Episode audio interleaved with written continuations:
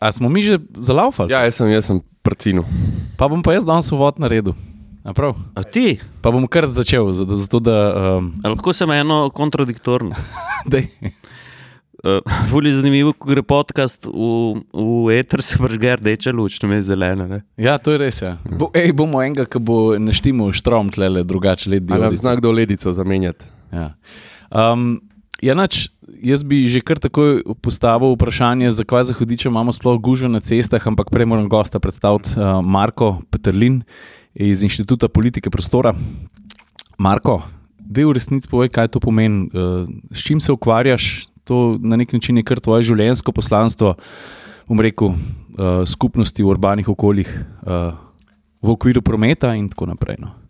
Jo, s tem imam zmer težave, priznam, eh, razložiti, kaj pravzaprav počnemo. Um, ja, ukvarjamo se z mesti, recimo v grobem rečeno, um, in to z ljudmi v mestih, če smo bolj natančni. Ne? In v konsekvenci pa to pomeni, da se zelo veliko z mobilnostjo ukvarjamo, ne? ker pač uh, je nekako ena ključnih tem mm, v, v, našem vsakdanjem življenju na koncu. No? Uh, in uh, ja, mi rečemo, da podpiramo skupnosti pri trajnostnem urejanju prostora, ampak to po mojem nobenemu več ne pove. Tako da, um, razen seveda nam. ne. Um, Ja, največ se ukvarjamo z, z, z, z trajnostno mobilnostjo, no, eh, eh, pa z mm, recimo, podporo eh, občinam pri raznim uh, um, uh, projektih, uh, um, ko, se hoče, ko rabijo se pravzaprav z ljudmi pogovarjati, kar jim gre ponovadi malo slabše. Uh, pa potem lahko tukaj uh, pač mi z našimi izkušnjami priskočimo na pomoč. Um, imamo neke, um, bi rekel, naloge tudi, ki, ki skozi neke evropske programe, Urbact se imenuje ta program, uh, uh -huh. kjer tudi pač podpiramo v glavnem mesta, občine. Ne. Tako da um, na koncu manj delamo raziskave, kot bi radi, pa mnogo več kampanje, neke vrste kampanje. Pač, uh -huh. Se pravi, ozaveščanje je, je naš, recimo, core business. No. Ej, Marko, je bilo kaj gužve danes zjutraj, ko si prišel sem? Nekaj je bilo, ampak nič izven običajnega. No. Kako pa ti operiraš po Ljubljani? Uh, s kolesom. Pač, Vedno? Mislim, vedno ne, ampak 90 posto, 95. V izogib temu, da bi stal v gužvah, ali je to pač tvoj lifestyle? Ni lifestyle, to je čist pragmatična, čist pragmatična odločitev. Bila. Sem, sem, sem prav, tudi ko smo, smo se začeli meniti za tole, danes sem razmišljal, kdaj sem se začel voziti s kolesom vsak dan. Nisem se od rojstva va- valjda vozil s kolesom. Uh, začel sem se njih 20 let nazaj, ko sem službo dobil za Bežigradom, jaz pa v Šiški živim. In, uh, In sem enkrat zračunal, da bi mi bilo, pa, pač imel sem avto. Uh, v bistvu smo ga takrat, po mojem, še oba z ženo imela, vsak svojega, ker smo se pač spoznala, smo imeli vsak svoj avto. In jaz sem si zračunal, da me cene pride, če se s taksijem vozim vsak dan za tistih par kilometrov, ki jih naredim uh, v, pač, uh, do, do, do službe in nazaj. Tudi če bi imel tam parking, pa ga nisem imel. ne. Um, kot pa da imam tisti avto, ki mi se stoji pač na parkirišču. Tako da je bila zelo pragmatična odločitev, to, da sem pol na koncu prešel, valjda nisem se s taksijem vozil v službo, ampak pač sem si kolo nekako zrihtel. No. Marko, jaz sem pa super istočnico ste dal. ne. Uh, kako imamo pa slovenci promet zračunan? Zračunan. Uh, Raziskan. Kaj, kaj, kaj nam številke povejo? Zakaj smo zdaj, eh, zakaj smo zdaj prišli, uh, da ko, ko smo zgradili avtocestni avtokriž, ki naj bi bil en tak veletok, ena glavna prometna orta, uh, pa se v bistvu doživi prometno kap. Mislim, na različne načine, na- načine računamo promet. Ne? Pač računamo ga naprimer, tudi v stroških, kot sem prej omenil, ne? um, kjer imamo recimo Slovenci. Uh, najviše stroške v Evropi, ne, na, gospo, na ravni gospodinstva. Ne. Mi imamo v bistvu največ denarja porabimo Za za, transportiranje. za mobilnost. Za mobilnost. Za osebno ja, mobilnost. Najvišji delež uh, uh, porabimo za mobilnost. Zato se premikamo, rabimo, imamo 70, 17, pardon, 17% gospodinskih izdatkov. A je to zaradi naših navad, pa zaradi teh uh, v bistvu slovenskih uh, nekih, ne vem, uh, Prepričan, prepričanj, da, da, da je treba za avtom, da moramo imeti dva avta pri hiši. Tako, ali je pa enostavno zaradi prometa, pa zaradi tega, ker tok stane promet. Mislim, pač ni. Um, je, moja, zdaj, tukaj pač je zdaj veliko raziskav bi lahko naredili, pa jih nismo, pa jih nimamo. Uh -huh. pač ne moramo. Ampak moja teza je, da je um, to zaradi tega, ker, mislim, moja, naša teza je, uh, da je to zato, ker imamo, ravno zato, ker imamo veliko odvisnost od uh, osebne mobilnosti z avtomobilom. Ker je, tudi v strukturi teh stroškov se to vidi. Pač na, v, zelo majhen delež je uh, um, za javni promet, ne, uh, zelo velik delež je za uh, osebne avtomobile in to ne za nakup osebnih avtomobilov, ampak za obratovanje, se pravi gorivo in vzdrževanje.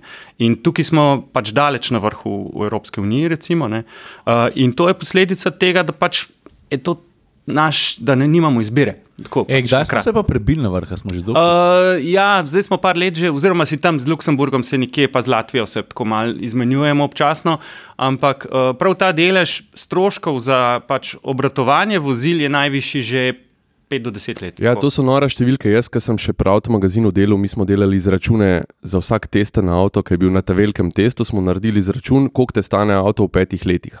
Se pravi, obvezno zavarovanje, dali smo tudi uh, opcijsko kasko noter, uh, gorivo, uh, po evrotaksu, koliko avto zgubi na vrednosti. Gume, servisi in to so nore cifre. Mislim, tako, to pride na, na tretjino ali pa ne vem, na polovico avta v petih letih. Čak, sam, zakaj pa tako? Odvisno za- od price range, seveda. Zakaj konkretno pa tako visoko kotiramo? Mislim, kaj od cena goriva, pa vse, vso to vzdrževanje je pri nas toliko.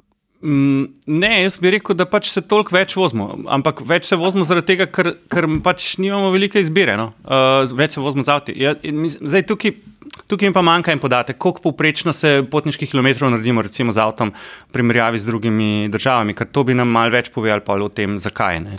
Jaz mislim, da ne toliko kilometrov, kot premikov. Fuf, tudi tukaj mislim, da ne izstopamo zelo iz povprečja. Uh, te, te podatki obstajajo. Zdaj, recimo, uh, mislim, da so okrog. Ja, ne, ne vem, štiri poti, recimo, na dan, povprečno vsak naredi. Uh, ampak tole sem zdaj mal čez palce rekel. V glavnem, uh, kar je bilo meni zanimivo, recimo iz zadnje ankete Su- Sursove, ne, se pravi statističnega urada, uh, je to, da um, manjšina poti je na delo pa v šolo. Uh, večina poti je drugo. Ne, um, Trgovina, treningi. Trgovina, točno to. Ja. Uh, po, popoldanske aktivnosti, športne aktivnosti, uh, um, ne vem, prostočasne um, dejavnosti uh -huh. in drugo, kar ne vemo niti kaj. Jaz ne razumem, kaj še drugo pa ostane, ampak pač drugo. Ej, Ne, hotel sem samo reči, Ne, a ne. to pomeni, da je recimo potniški promet, javni potniški promet, kar tok funkcionira v tem stilu, da moramo iti v službo. Na te neke odročne destinacije, kot so treningi, popodanske dejavnosti, pa tle pogrnec sistem. Ne? Javni potniški promet funkcionira za šolarje, ki morajo ja. se voziti z javnim potniškim prometom. No, to sem čakal. To sem Pač čakal. realno, realno uh, je večina, uh, če, če pogledamo podatke potem po strukturi, um, uh, koliko se. Uh, kdo se vozi, no? s katerim prometnim načinom, um, pač starostna struktura, šolari, no? pa z namenom za izobraževanje, uh, dijaki, uh, pač, ki se vozijo že v srednjo šolo, malo dlje, ne? uh, so naj, naj, glavni uporabniki uh, javnega potniškega prometa, do neke mere študenti. Uh, in do neke mere, predvsem zadnja leta, upokojenci. Uh, v v um, tem uh, splošni, recimo, temu um, uh, uh, aktiv, delovno aktivni populaciji, uh, starostna skupina, se pravi od 20 do 55, recimo, se ponovadi gleda, ali pa 60, uh, je pa ta delež zelo nizek. Um, ampak seveda to moramo računati, da to ni. To je komaj večina ljudi, zares. Ne? Večina ljudi vendarle um, ne, ni delovno, oziroma tam smo nekje, polovica ljudi, dobra polovica ljudi je delovno aktivno prebivalstvo. Ne? Tako da ne smemo zanemariti tega, ne? da seveda ne, uh, mladi bodo delovno aktivni nekoč in prispevali k davke, ne? upokojenci so pa to svoje že dal skozi. Tako da jaz sem tukaj doskrat zelo. Uh, um, um, kritičen do, do, do tega, kar se reče. Ja, tisti, ki delamo, pa ki plačujemo davke, se moramo pa za avti voziti. Pač, ja, oni so pa že svoje oddelali, svoje davke so plačali, upokojenci, mladih pa še bojo. ne. Pač, sam vsi skupaj smo nekakšna družba. Ne. Dej, preden se oddaljimo, samo to, Juro, Ja, prosti. sorry, uh, ne, ne, ne, preden se oddaljimo od te lestvice, k, kjer smo tako jaki. ne, Um, a mi znaš povedati, kaj pa predstavlja, ali pa približno, katere države so pa na repu, oziroma kjer je mobilnost pa dostopnejša v tem smislu? No? Uh, prav, kjer imajo najnižje stroške, za res ne vem, ne spomnim Okej, se. dobro. Uh, Lahko pa link. da so neke skandinavske države ali pa tam, kjer Ja, ja, so. Skandinavske, pa, pa tudi Nemčija med nižjimi, recimo, ni, ni zelo visoko. K, čeprav je znano, da imajo Nemci pač radi avto in veliko vlagajo v avto, ampak niso zelo visoko, zaradi tega, ker je še zmeraj delež za um, pač javni prevoz višji. In čim, čim je ve- delež stroškov za javni prevoz višji, čeprav se sliši kontradiktorno, so skupni stroški uh, za mobilnost nižji. Um, ker pač uh, ti ni treba se pa tako z avtom voziti. No, Marko, ampak če te prav razumem, po stari ekonomski navadi je jasno večja izbira poceni storitev. Ne? Točno to. Ja, um, uh, večja, ko je ponudba uh, prometa, um, cenejš, stroškovno v smislu časa, cenejš se je voziti, več se vozimo. Um, ampak tukaj obstaja meja, ker se enkrat ujameš, enkrat si pač uh, uh, nimaš izbire več. Ne? Ko se ti storitev, druge storitve, predvsem javni, ko se prvič, ko se preseliš nekam kjer nimaš javnega prevoza, se ti zmanjša izbira. Uh, drugič, ko se dovolj velik delež ljudi odloči presedlati na avto, se ponudba zmanjša, ker tudi pač, uh, ni več dovolj povpraševanja po njej. Se ponudba javnega prevoza zmanjša. Mm, Ne vem, tudi v Ljubljani imamo recimo, danes niže frekvence avtobusov, kot smo jih imeli pred 20-30 leti. Ne. Avtobusi vozijo skoraj enkrat poredke, kot, pa, uh, uh, kot so vozili včasih. pa Zakaj? A, to so drugi razlogi. Um, Mal komplicirana zgodba, um, ampak pač število uh, voznikov, število, število avtobusov uh, je omejeno. Ne, uh, v bistvu s tem, da se stroški, da ne grejo stroški pred, predaleč. Ne, uh, Ljubljanski promet je tudi podaljševal linije um, in seveda nekje se to more poznati, pol, pač, da, se, da se stroški ne napihujejo, so morali zmanjšati frekvence. Uh, to, mislim, da pre, predvsem zato, ampak mogoče je. Uh, je tukaj še kakšna druga razlaga zraven, ki jo, ki jo jaz ne poznam. No, tako. Ampak dajmo ostati pri tej izbiri. Ne? Ker, Mm. če se jaz, jaz sem se polet vozil z avtodomom po Nizozemski, ki je tudi ena od držav, ki ima zelo, um, zelo razvejeno mobilnost, odlično poskrbljeno tudi zaradi same, samega, same ravnine, tudi za kolesarje in tako naprej. Ampak jaz sem si enostavno lahko zračunal, da iz enega mehkega kraja proti Amsterdamu se meni z avtodomom ne splača, zato ker bo tam drag parking, zato ker bo dodatna karta za, za um, mestni promet. In sem se odločil za vlak, se pelo 150 km s celo družino, daleč eh, z vlakom in prišel v center Amsterdama in si ogledal mesto. Zdaj, kaj lahko mi naredimo, da bomo to izbiro pač pojačali? A to zdaj vi na inštitutu, ki ste to dobro raziskovali, imamo, imamo neko rešitev za Slovenijo, kam, kam preusmeriti? kra- Kam preusmeriti v končni fazi denar? A Saj- govoriš kompletno za celo Slovenijo, za Ja, celotno? pač, a, imamo, a, imamo, z- a smo zdaj že prišli tako daleč v prometni Sloveniji, da imamo izračunano eno formulo, kam bi mogle iti investicije? A, vizija, misliš? Vizija, ne čist konkretno, da vemo, lej, uh, ne vem, zanč, pa jaz nisem dober v številkah. Uh, Nemški parlament je sklenil, od leta 90 smo zamudili, tuk pa tuk milijard bi mogli vložiti v železnico, pa nismo, to se takoj pozna na cestah. Zdaj mene pa zanima, a veš, ali imamo v Sloveniji zdaj to, ta promet, tako kot sem prej rekel, zračunan. Da mi vemo, lej, če hočemo mi pognati Slovenijo naprej, eh, kar se tiče osebne, gospodarske mobilnosti, imamo to zdaj izračunano, vemo, kam bi mogle iti investicije. Uh, mislim, vizija obstaja, imamo pač uh, uradno prometno politiko in uh, tudi pač se uh, obnavlja ta vizija. Tako da uh, tudi projektov je veliko, uh, v teku že. Um, in uh, ja, nekako vsi se strinjajo, strinjamo v tem, da pač ni dobro povečevati odvisnosti od avtomobila, ker nam to povzroča veliko problemov. No. Uh, skratka, več je treba vlagati v železnice in se vlaga v železnice. Že des, deset let v bistvu se v železnice vlaga več kot v ceste. Prej se je 20 let več, bistveno več, bistveno več vlagalo v ceste kot v železnice, kar se pač pozna zdaj. No. Ampak zdaj se že deset let več vlaga v železnice kot v ceste. Je pa res, da na železnicah je prioriteta tovor, ker tovor prinaša profit. Potniški promet železnicam ne prinaša profita. Um, v- vse v Sloveniji ne, ker imamo pač premalo gosto poselitev in je potnikov na- načeloma izven recimo Ljubljanske, Mariborske regije premalo. Um, in uh, tako da to je seveda nek strošek, ne? Železnice bo še vedno nek profit, ampak bo manjši kot tovorni. Ne?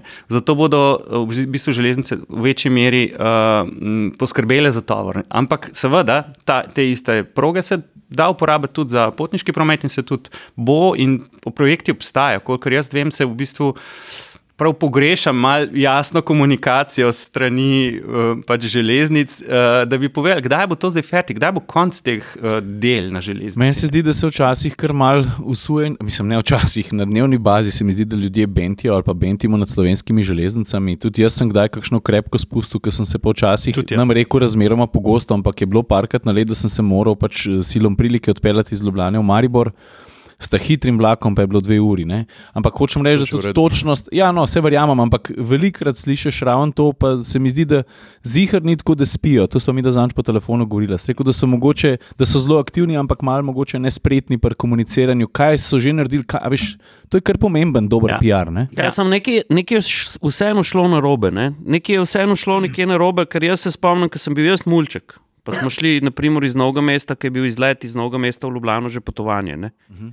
Mislim, tako, doživetje. Ne, ne bom rekel potovalno doživetje, ampak jaz se dobro spomnim zelenega vlaka. Ker si ti tam odgor dobil sok, pa sendvič, pa ta vlak je imel do Ljubljane um, um, štiri postaje, pa ni bil noč noben hitri vlak, pa si hitreje prišel, ko prideš danes. Ali pa ne vem, se zulo me je dejstvo, ko sem šel na svoji najbližji železniški postaji uh, uh, v sredo dolenskih gozdov. Kaj je to uršna sela? Uršna sela, ki normalno prideš v center Ljubljane, govorim normalno. Uh, železna cesta je do centra Ljubljana iz Uršnih sel. Ker sem gledal slike postaje, ki je bila, mislim, da stoletnica ali, ali 110-letnica proge, in je, in je una izvirna slika ista kot danes. Ja. Ko grem 300 metrov iz svoje hiše, grem čez, grem čez po, po podhod, ki so ga naši pradedje zgradili na roke, kamen zložili in to je bilo narejeno je v 18 mesecih, vključno z viaduktom Otavec, ki je progo naprej pel. In klej me skrbi, kaj je šlo na robe, že če sem bil jaz mehen, smo hitro potovali in mene res zanimajo te projekti. Jaz, mm. jaz, eh, mene tudi. Ja. Jaz, bi, jaz bi rad vedel. Tudi zadnjič sem na Facebooku zasledil v Novem mestu, mislim, da je mestna občina Novo mesto objavila, da sam kar še ni, ampak da bo hmal, da bomo spet iz novega mesta v Ljubljano prišli v 50 minutah. Za mene je to fantastična novica, sem, zdaj me pa res zanima, kdaj, kdaj to bo. Ja, mene tudi. ja, ne, res, mislim, mislim, da bi, jaz sem pripričan, da bi uh, slovenske železnice, oziroma pač lahko tudi država v njenem imenu, meni vse en, uh, morali bolj jasno komunicirati, kaj se dogaja, uh, kdaj bo kaj končano, kdaj bo kjer odsek možno uporabljati, in se potem, seveda, teh rokov tudi držati. Ne? Ker ta, ta del, recimo, jaz se spomnim, ko so kočevsko progo začeli prenavljati, 2000, ne vem, mogoče večkrat falil letnica, ampak recimo 2004 so se lotili, so rekli, do 2008 bomo se pa v kočeve spet lahko z vlakom vozili. Pač 2021 je bilo to v resnici. Tako da tukaj se potem tudi kaj zatakne, malo bolj. Pač roke si je treba realistično postavljati, ne? ampak pa se jih je treba držati. No. To je, se mi zdi, tudi. Ampak, Marko, kaj pa ti ja. veš, pa da mi ne vemo to, kar se dogaja v železnicah, pa da oni ne znajo tega skomunicirati? Mislim, pač vemo, da se, ne, se gledamo dnevno, uh, da so uh, dela na železnicah. Ne? Ta dela na železnicah se bo verjetno enkrat končala.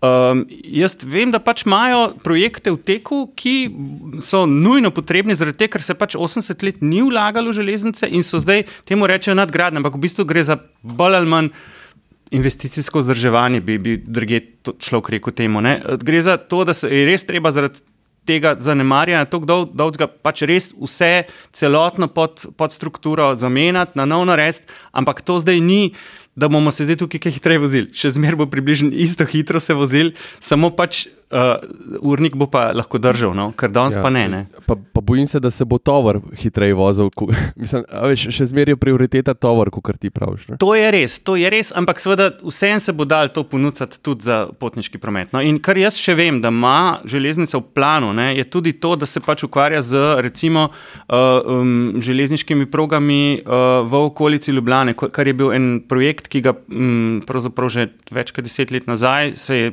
po, uh, začel dogajati in se počasi čas pač razvija zdaj, uh, da ne bi imeli v uh, tej, bi rekel, širši ljubljanski regiji uh, vlak na 15 minut. Ne. To je v bistvu čist resen projekt, ki je nekaj, kar je po mojem nujno potrebno in bo lahko zelo pomagal. V, ja, ker 15 v minut je že taka frekvenca, ki smo jo navajeni iz tujine. Ne? Ja, pač na, če je 15 minut, greš na postavljanje, ni treba čakati. Ja, ne gledaš urnika. Ne, ne gledaš urnika, ja. ne gledaš urnika, ker veš, da vlak pršel v konici. Ja. Mislim, ker jaz nočem, da, da, da zveni, da, da pač v Sloveniji se čisto noč ne dela, da, da, da je Slovenija edina evropska država, ki se sooča z, z porastom prometa, pa s- z zastoji.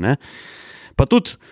Uh, jaz sem občutil kot, kot dnevni, kot dnevni uh, vozač, da vsak, vse, kar se v prometu zgodi, ima dejansko neke posledice. Ne. Tudi, če se vrnemo na mojo domačo vas, oziroma na, na sosedno uh, več, večji zaselek, Kuršno selo, tam, kjer jaz živim, ne, ko je železnica ne vem, pre, uh, zgradila nov nivojski prehod z avtomatskimi zapornicami, se je na cesti absolutno takoj povečal promet, zaradi tega, ker nismo več na rampi čakali zaradi stare signalizacije 18 minut na vlak. Se res. Ja, to je res, blizu ja, njemu. Ja. Tako, tam se je čakalo 18 minut, 18 minut zaradi signalizacije, in ki je železnica potegnila optično povezavo, ki so zgradili nov nivojski promet, je enostavno ta cesta postala ljudem zanimiva. Ne? In zdaj, kar bi jaz in tudi na tem mestu lahko rečem, hvala slovenskim železnicam, ki ste tudi tu.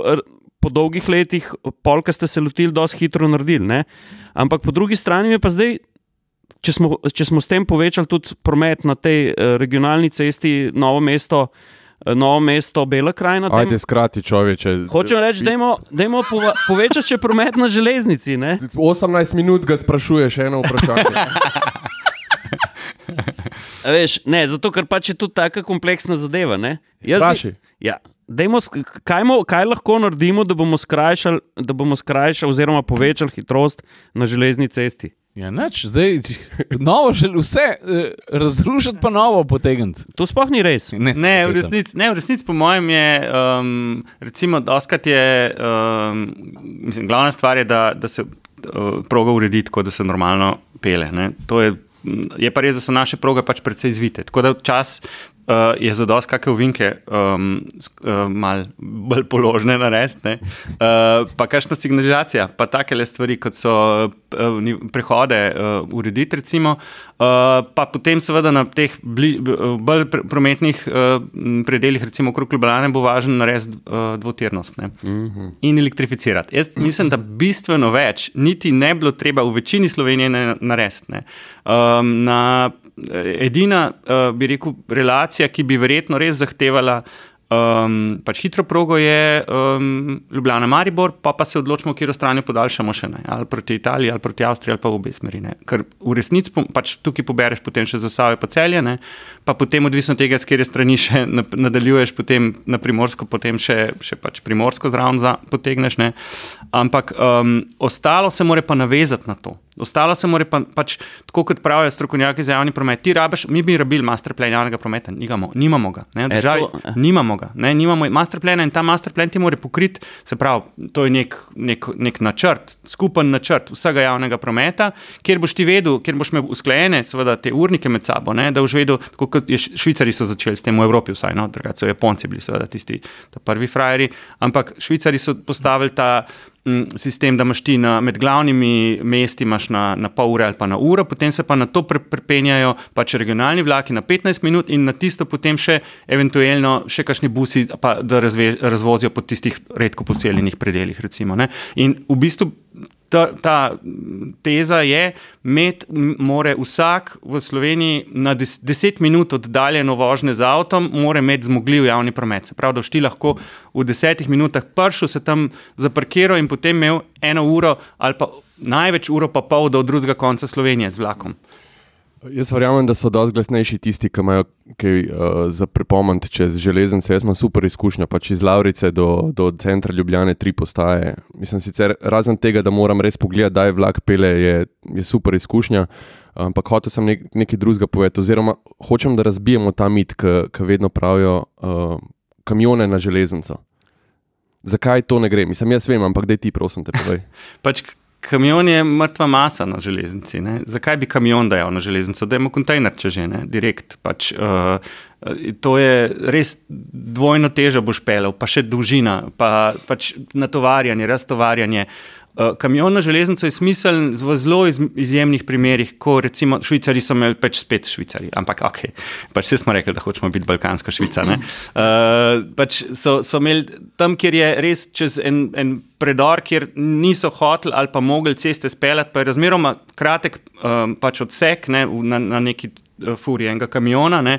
Tam se, se je splačalo to narediti, da tako kot pri nas bohinjska proga, recimo, bi bila mm -hmm. tak primer. Ne. Drugače pa pač naložiš direkt kontejner oziroma tovor, ki ga pripelješ, um, pri čemer so te proge po, po železni, mislim, tovor, za tovor so relacije med enim natovarjanjem in raztovarjanjem par sto km. Tukaj je Slovenija samo čez gre tovor, v glavnem. Hmm. Tudi tud, uh, tud po železnici gre v glavnem preko Slovenije. Ne. Plus to, da so te žile enostavno preoske, pa da nimamo uh, teh terminalov, ki bi lahko to nalagali. Mislim, tako, res so to eni taki megalomanski projekti, ki si jih niti ne predstavljamo, da bi samo rešili ta problem. Ljudje mislijo, okay, na mačarskem gre to vrnja gor, gor na vlak, uh, se raztovor nekje v Kopru in pele naprej. Da, da je to tako simpel, kot potnik, če bi šel na vlak. Ne? Ja, ne, ni. Mislim, uh, to so tudi, tudi kontejnerji ni tako simpel raztovarjati, pa natovarjati. To vzame nekaj časa in ja, seveda posledično denarja, ampak recimo v Kopru to itak naredijo, zaradi tega, ker pač je z ladje treba nekam dati. Tako da tam imamo eno izhodišče, zdaj na drugi strani pa verjetno je izven Slovenije tisto drugo, uh, kjer se bo to raztovarjalo. Ampak um, ideja seveda tudi drugega tira ne, je to, da bo čim. Da bo pač čim večji delež teh kontejnerjev, so najbolj raztoč, najbolj hitro raztoč tovorni promet, ne, uh, da bo čim večji del teh kontejnerjev šel pač na vlak. Uh, govorimo o ladijskih kontejnerjih. Ne? Ja, pač ja, te, te, te velike. Ja. Ne vem, koliko so že. 24 čevljev. Ja, post-Panama kontejner, ki je ja. prilagojen že na nov panamski. Ja. Aha, tega pa nisem vedel, odkje ja. se. Aha, okay. uh, ampak, če, če gremo mi nazaj na ceste, ne, mene kar frustrira najbolj. A, a pa imaš, oziroma imate vi, Marko, občutek, da ne bom za namenom uporabil tiste uh, besede, ki pol spin naredi, ki vsi dobro poznamo, pa poslušamo vsak dan po radiju, po televiziji in tako dalje. Ampak da jim rečem, imate občutek, da odločevalci, ki bi se mogli s prometom ukvarjati, zares poslušajo prometno stroko. Um. Odvisno od tega, kaj mislijo, da bo jim prineslo, bi rekel, politične točke. Um, ja. Mislim, pač tako je. Zdaj, to je ja, ampak to je politika, sej, ja. sej to tako je. Mi moramo pač računati s tem, da, uh, da, da in oni tudi računajo s tem, da imajo štiriletni mandat. Ne? In seveda vsak si želi biti ponovno izvoljen. Ne? Nekaj mora pokazati v štirih letih, drugače bo pač težko prepričal, da je, da je bil zelo uspešen. In ne, zdaj železen, kot vidimo, očitno se v štirih letih ne da poštimati. Ne? Um, zato je tudi eno, to je tudi eden od razlogov, zakaj uh, je, je uh, za železnice ni bilo toliko časa interesa. Ne, Ampak jaz nekaj ne razumem. Ne? Jaz pragmatično stvari si, si večkrat ponazorim z naravo. Ne? Če tako mi pogledamo. Uh, Promet je v bistvu ena najpomembnejših stvari vsake države, oziroma ne promet, mobilnost kot taka. Uh, Če, nam, eh, če, če ceste, železnice in vse, kar zraven pa še pre, pre, preslikamo v naša obtočila, ne? če se zgodi kap, je, je takoj kolaps, ne? tudi tak terminalni. In zato jaz ne razumem, zakaj, zakaj jaz razumem, da, je, da, je, da so zadeve pri nas zelo omejene na, na štiriletni mandat, kar, smo, kar je zapisal tudi uh, um, urednik Motorjev v enem od svojih uvodnikov. Ampak zakaj nimamo mi enega, ki bi rekel, da je zdaj pa konc? Lej, sej, če bomo mi nekaj s prometom naredili. Uh, uh, Sam to... se to je ključno vprašanje. Kaj zdaj to pomeni? To pomeni dodaten pas na avtocesti. Kaj, kaj zdaj, kaj, veš, sistemske spremembe so potrebne. Ne? Kako bomo mi zmanjšali to gužvo? A se lahko na te navežem? Ja. Kaj bomo mi naredili, ker sem jaz naredil izpit, uh, uh, skoraj že 25 let nazaj, sem se iz Luko, v Lukovci, se odtegnil na frišni naredil avtocesto, sem se odpeljal proti Ljubljani zjutraj ob konici, recimo 7:20 in sem se mal mogoče ustavil ali pa promet se je upočasnil pri Sneberju. Pa je šlo pol malo nazaj do Šentjakoba in pol je šlo se pet let obrnil, pa smo stali med Šentjakobom in Domžalami, pa je bilo to najhujše, kar se ti je lahko zgodilo ne dve, tri leta. Se pa že do Trojane. Čakaj, zdaj pa Domžale, pa je bila pa kar naenkrat med Domžale, pa Krtino, Krtina, Lukoško ravnina, Lukoca, zdaj pa včasih že prepeljem iz Trojan dol, ker se z Maribora še vedno razmeroma pogosto vozim, pa je Kompolje, bivša cestninska postaja, pa se promet že umirja. To se pravi, v 20 letih smo uh, prometni zamašek podaljša za dobrih 20 km. Um, bomo, mislim, jaz si ne znam predstavljati, kaj bi znal narediti, pa če se še malo nadgradim, preden gremo to rešiti. Včasih je bila gužva, klej po obvoznici, pa tako, veš, takrat je šel folk v petek na morje ali pa so se zvečer vračali, zdaj pa gužva kar skozi. Um, kje sploh se loti tako ogromnega problema, ker si predstavljam, da en ali pa dva dodatna pasova ne bi kaj dosti rešila, ali se motim?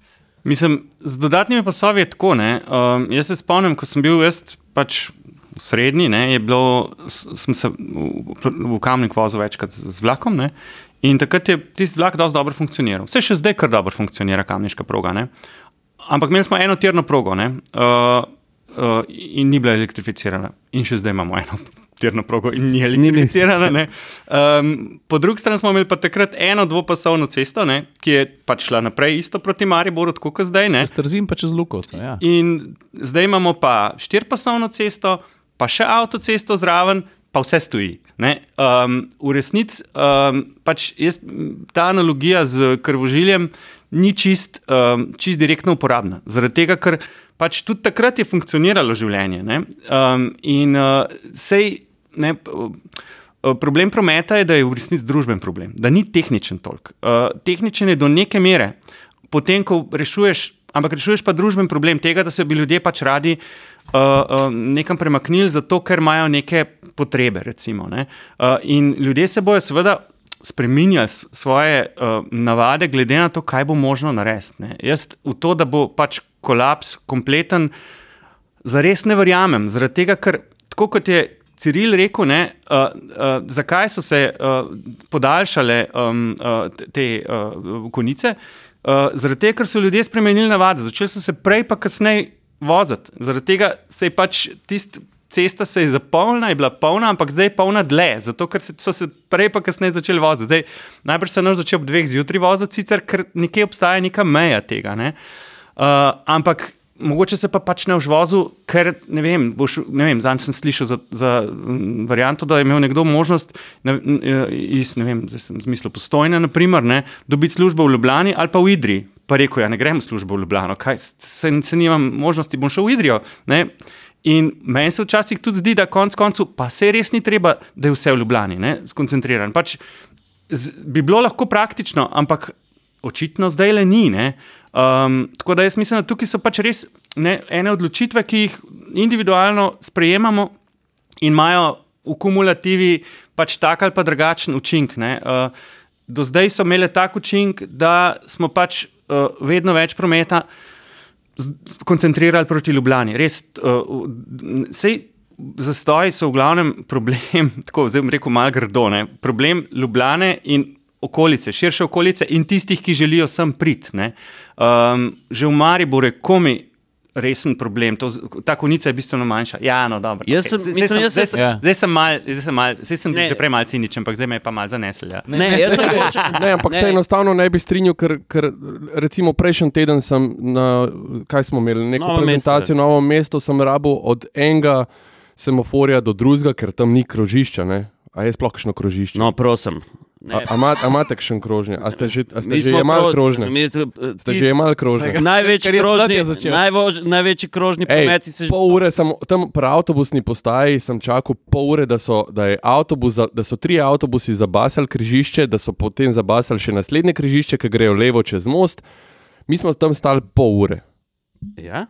Ja, to je zdaj, da, no, sej, sem, lej, jaz sem tu ja. hotel reči, mi, mi pozabljamo. Ja, sej, Ljubljana je glavno mesto in vsako glavno mesto je nek uh, gospodarsko-družbeni magnet, ki poveča vse dejavnosti okrog njega. Ampak mi imamo danes resen problem. Lej, mislim, meni je zelo žal, ampak uh, Slovenija je pozabila na Belokrajce, je pozabila na Korošce. Uh, Mi ta, mi ta problem rešujemo že, me, blazno smo ponosni na, na svojo državo, na, na našo raznolikost, na vse. Ne? Ampak mi, mi ta problem rešujemo zdaj že 30 let, pa nismo noč rešili. Belokrajci, bogi tisti belokrajci, ki morajo iti v službo v Ljubljano, bogi tisti belokrajci, ki morajo iti v službo v novo mesto. Samo dve žili sta iz Bele krajine v novo mesto. -hmm. Gorjanci pa, pa partizanska magistrala. Pa ne veš, kje je hujša. Pa ne, pa ne veš, kje je hujša. Pa v, te, v teh regijah bi tudi radi razvili turizem, pa bi tudi radi razvili uh, gospodarstvo, pa bi tudi radi uh, razvili kulturno življenje in vse skupaj. Ampak, veš, na Belo krajino se ljudje spomnijo samo polet, ker pred Vinico, dobro, zdaj je srečni več mejne kontrole, ampak ker je pred Vinico uh, nastal, nastala gužva, pa na cesti, zato so vsi hoteli naenkrat biti na krku. Veš, ampak tu so. Tu no, so Ja, Lej, ampak, se, ja. Če gremo nazaj na problem. Ja, sej- okay, pa pa dajmo, dajmo obdelati ta, ta dodatni tretji pas, recimo na obvoznici, ker se mi zdi, da je kar aktualna tema. No, ti, ti mogoče mal. Okay, razumem, da, da imaš v pogledu to, kako ljudje, um, kakšne navade imajo, pa kako spreminjajo navade, glede na to, koliko postane pretočen promet. Ja. Ja. To si izpostavil. Ampak lej, jaz, jaz to vidim kot enostavno neko rešitev. Če, če imamo v nekem mestu oziroma vasi en krožen promet z enim pasom, se zna hitro zabasati. Jaz Ljubljano enostavno jemljem tudi kot ljubljanski ring, kot en, eno, en krožen, uh, krožno križišče. In če dodaš en pas, a ne bo bolj pretočen. Nekaj časa, ja. Nekaj časa, ja. Uh, uh, pol bo pa pač uh, toliko več ljudi se začelo spet voziti uh, z avtom. Ne, in uh, um, pač težava, ki jo imamo, američani sprobavajo to že od približno od 30 let. Los Angeles. Pač kjerkoli v Ameriki. Ja. Ja. Jaz sem bil enkrat v Sakramentu, ki je veliko mesto kot Ljubljana, ampak oni imajo pač deset pasovno obvoznico ne, uh, na, na, na razdalji, ki je manjša ko, kot Ljubljanska obvoznica, pa, pa še eno obvoznico. Še eno, pač, in tam se ne moreš premakniti, če nimaš avta. Pač ni druge variante, razen če živiš v či, čistem centru, kjer imajo en simboličen tramvaj, tam pač speljan, ki je, tako bi rekel, za imič malo. No. Ampak ne, uh, hočem reči to, da. Uh, kar se zgodi, je, je to, kar se je zgodilo z, z domžalami. ne. Um, uh, ljudje, ko, ko se lahko pelejo, bojo spremenili navade in uh, bojo se tisti, ki se zdaj vozijo zjutraj, ali pa uh, uh, mislim, prej ali pa pol. Po konici bojo začeli se voziti v konici, ki se bo dal. Ne? In bo v bistvu v nekaj letih spet zastoj, pa se bo pa spet začelo to raztegovanje konice, nekaj časa, dokler ne bomo ugotovili, da je spet zastoj, pa da je treba nekaj narediti. Pač res je to, da, da se, če lahko v konici, ne, pa v najbolj teh prometnih. Um, Uh, uh, tam, kjer je povpraševanje po prometu veliko, se, bo, se bojo kapacitete zapolnile, slej ko prej. Pač to je neka, neka zakonitost, ki je zelo tako ekonomska, ampak um, v resnici se bo to zgodilo. No? Tako da Sej lahko to naredimo, sam ne bomo pa za dolgo, dolgotrajno rešili, ker imamo v resnici problem v tem, da je, uh, ja, pa naredimo seveda za drage denarje, to se moramo tudi zavedati. Ne? Ali bomo ta denar vložili sam ali ga bomo kam drugam, je, je zelo pomembno vprašanje. Ne? Ampak n- n- zgodilo se nam bo to, da ma, pač manjka nam alternativ. No? Če se z Evropo primerjamo, nam manjka alternativ. To je tisto. Ti nimaš danes izbire, če, če, greš, uh, če hočeš nekam priti, moraš iti z avtom. In zdaj. Lahko se sam prej ali pa kasneje peleš, sam to, to je tvoja izbira in seveda s tem tudi si neko obdobje v končni fazi zmanjšuješ. Ne? Sej ni fajn vstajati ob, ob treh zjutraj ali pa ob štirih. Ne? Mislim, če se vrnemo malo na začetek mojega podcasta, pa, pa o tem, kam gredo kilo v boke. Ne? A Veš, jaz ne bom nič naredil za svoje zdravje, če bom si kupil večje kavbojke. Ne? Ja, se, to, je tak, to je ta zdaj, rekel, ta prispodoba, ki, je, ki jo je. Ja, začasno boš rešil problema, ne? Ja. malo boš kile skril, ampak se pravi, moraš kupiti uh, večje kavbojke, ker jih pač moraš tisti trenutek, a ne? Ja. hkrati boš pa to začel reševati na drug način. a ne. Ja. Se pravi, to je, to je nekako In, rešitev. Ne? in meni se, meni se ja. tudi zdi to pomembno, kar je Marko ravno kar izpostavil. a Veš, mi se moramo resno vprašati, uh, oziroma tisti, ki se bodo to odlo- odločili, ne? kaj dejansko, uh, kaj dejansko bomo največ rešili za vloženo sredstva. Ne? Ja, pač denarja je res omejeno in zna biti, da ga bo še pač malo manj ne, s časoma. Um, tako da pač se je treba dosti dobro uh, razmišljati o tem, kam ga damo. Ne. Ker, ne, kljub temu, da smo mi avtomobilski podcast, ne, jaz če naprimer razmišljam o sebi, jaz če bi imel izbiro, da se iz moje vasice spet vrnem na uršna sela na železniško postajo, zapeljem s kolesom, ker je to 2 km pa pol, na sebi uživo. In če bi imel tam, ne, ne govorimo o vlaku, ki mora iti, ali pa, uh, ali pa kakšnemu drugemu pa- prevoznemu sredstvu ali pa rešitvi, ki mora iti 200 na uro. Ne? Ampak normalen potovalen čas, da, si ti, da ti 88 km razdaljo lahko premagaš na nek relativno udoben, relativ, pa bom tudi rekel, ne pocen, ampak cenovno uh, Spremljiv. Ja, spremljiv. Ja. Ja, pa dovolj pogosto mora biti. To je v bistvu na, na teh glavnih žilah, mora biti vsem javni promet dovolj pogosto, da, da ga ne čakaš predolgo, ker če ne se ti ne more iziti. Če ga imaš štiri na dan, avtobuse ali pa vlake, pač ne boš šel. Ker, Ej, Neki so, si hotel. Ja, sem hotel samo nekaj vprašati, če mi lahko mogoče daš eno razlago, zakaj je nekje P plus R dobro sprejet, nekje pa ne. Odvisno od tega, kako greš lahko naprej od tam, kjer pa parkiraš. Ne? Če Če slučajno je kdo zgrešil, to je park and ride, to se pravi, Ja. ja. so za, za, za tiste, ki mogoče so parkira in se peli. parkira in se peli. Ja, ker recimo, če greš na dolgi most, je to super, je parking vedno poln, uh, busi laufajo, ampak ne vem, če greš pa v stožice, so pa stožice prazne, ampak Ja. vse isto funkcionira. Ja, ne, ni, tam v Stožicah imaš na pol ure bus. A, Ja, to je po mojem kar ključna razlika, poleg tega, da je na, na bistveno bolj opremljen tale pa plus Rajn bolj prijazen na dolgem mostu. Um, In mislim, jaz, bistveno je, po mojem, bistveno je to, kako hitro boš ti pol prišel do cilja v mestu. Ne? Zdaj, mm. če, ti, če boš lahko s šestko se zapeljal nekam ne, v mestu, potem da, da ti je dolgi most dobra varianta. Če boš mogel pa dvakrat presedati, pa ne. ne.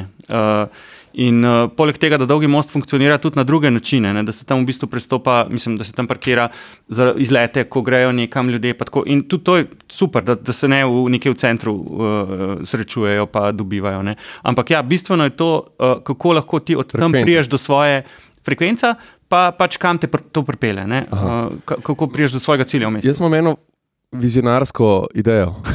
Ajde, dej. Zakaj ne obstaja P plus, L, P plus R z ladico? Pač ladjice so, imajo omejene kapacitete, pa uh, mm, V Benetkah to super špila. Benetkah, ja, ki so pač njihova Mi glavna imamo, mi imamo, prevozna mi imamo Ljubljanco, žila. mi imamo Ljubljanco, ki piči do centra Ljubljane. Ja, Benetke imajo pa Jadransko morje, prijatelj. ja, ampak kanali se zožajo.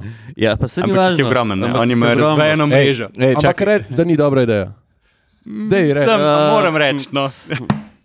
ej, kaj pa imamo? da pa- vidva reč. No. Vsak Ljubljančan bi bil če ima turist. Saša, jaz sem Ja, vedel, ja. da si ti Ne, za turiste, ej, za turiste. Za turiste pa ja, to se pa strinjam. Kaj, pa, kaj imamo pa pol še P plus imamo kaj še Trnovo, pa še Tvit, kaj imamo, kaj nam še dela? Uh, ba- bar je dober, po mojem, čisto redo funkcionira. Je, ja. um, od ostalih pa pravzaprav ne vem. Zdaj jih imamo še, sta, stane že, če imamo, ne, tudi tam pa mislim, da tam, pač tam je slabša zveza je ene- celovška je problem, pa deleče. ne. Ja. Deleč je, deleč je pa pač uh, tudi tisti, uh, ni zelo, mislim, enkrat je čas bila res, da na pet minut, ne, ampak zdaj je bolj na deset. Ne, um, to, ja, pa res se dolgo. Deleče.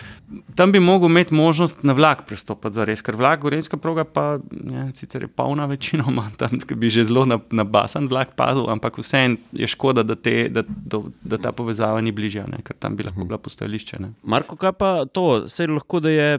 Lahko, lahko da je to čist moja, sem uh, blodnja ali pa da si ne predstavljam prav dobro. Ampak, naprimer, ko se peleš po, po Dunajski v Ljubljani, ne? pa ko se peleš uh, v končni fazi tudi v Šiško ali pa kam drugam. Ne?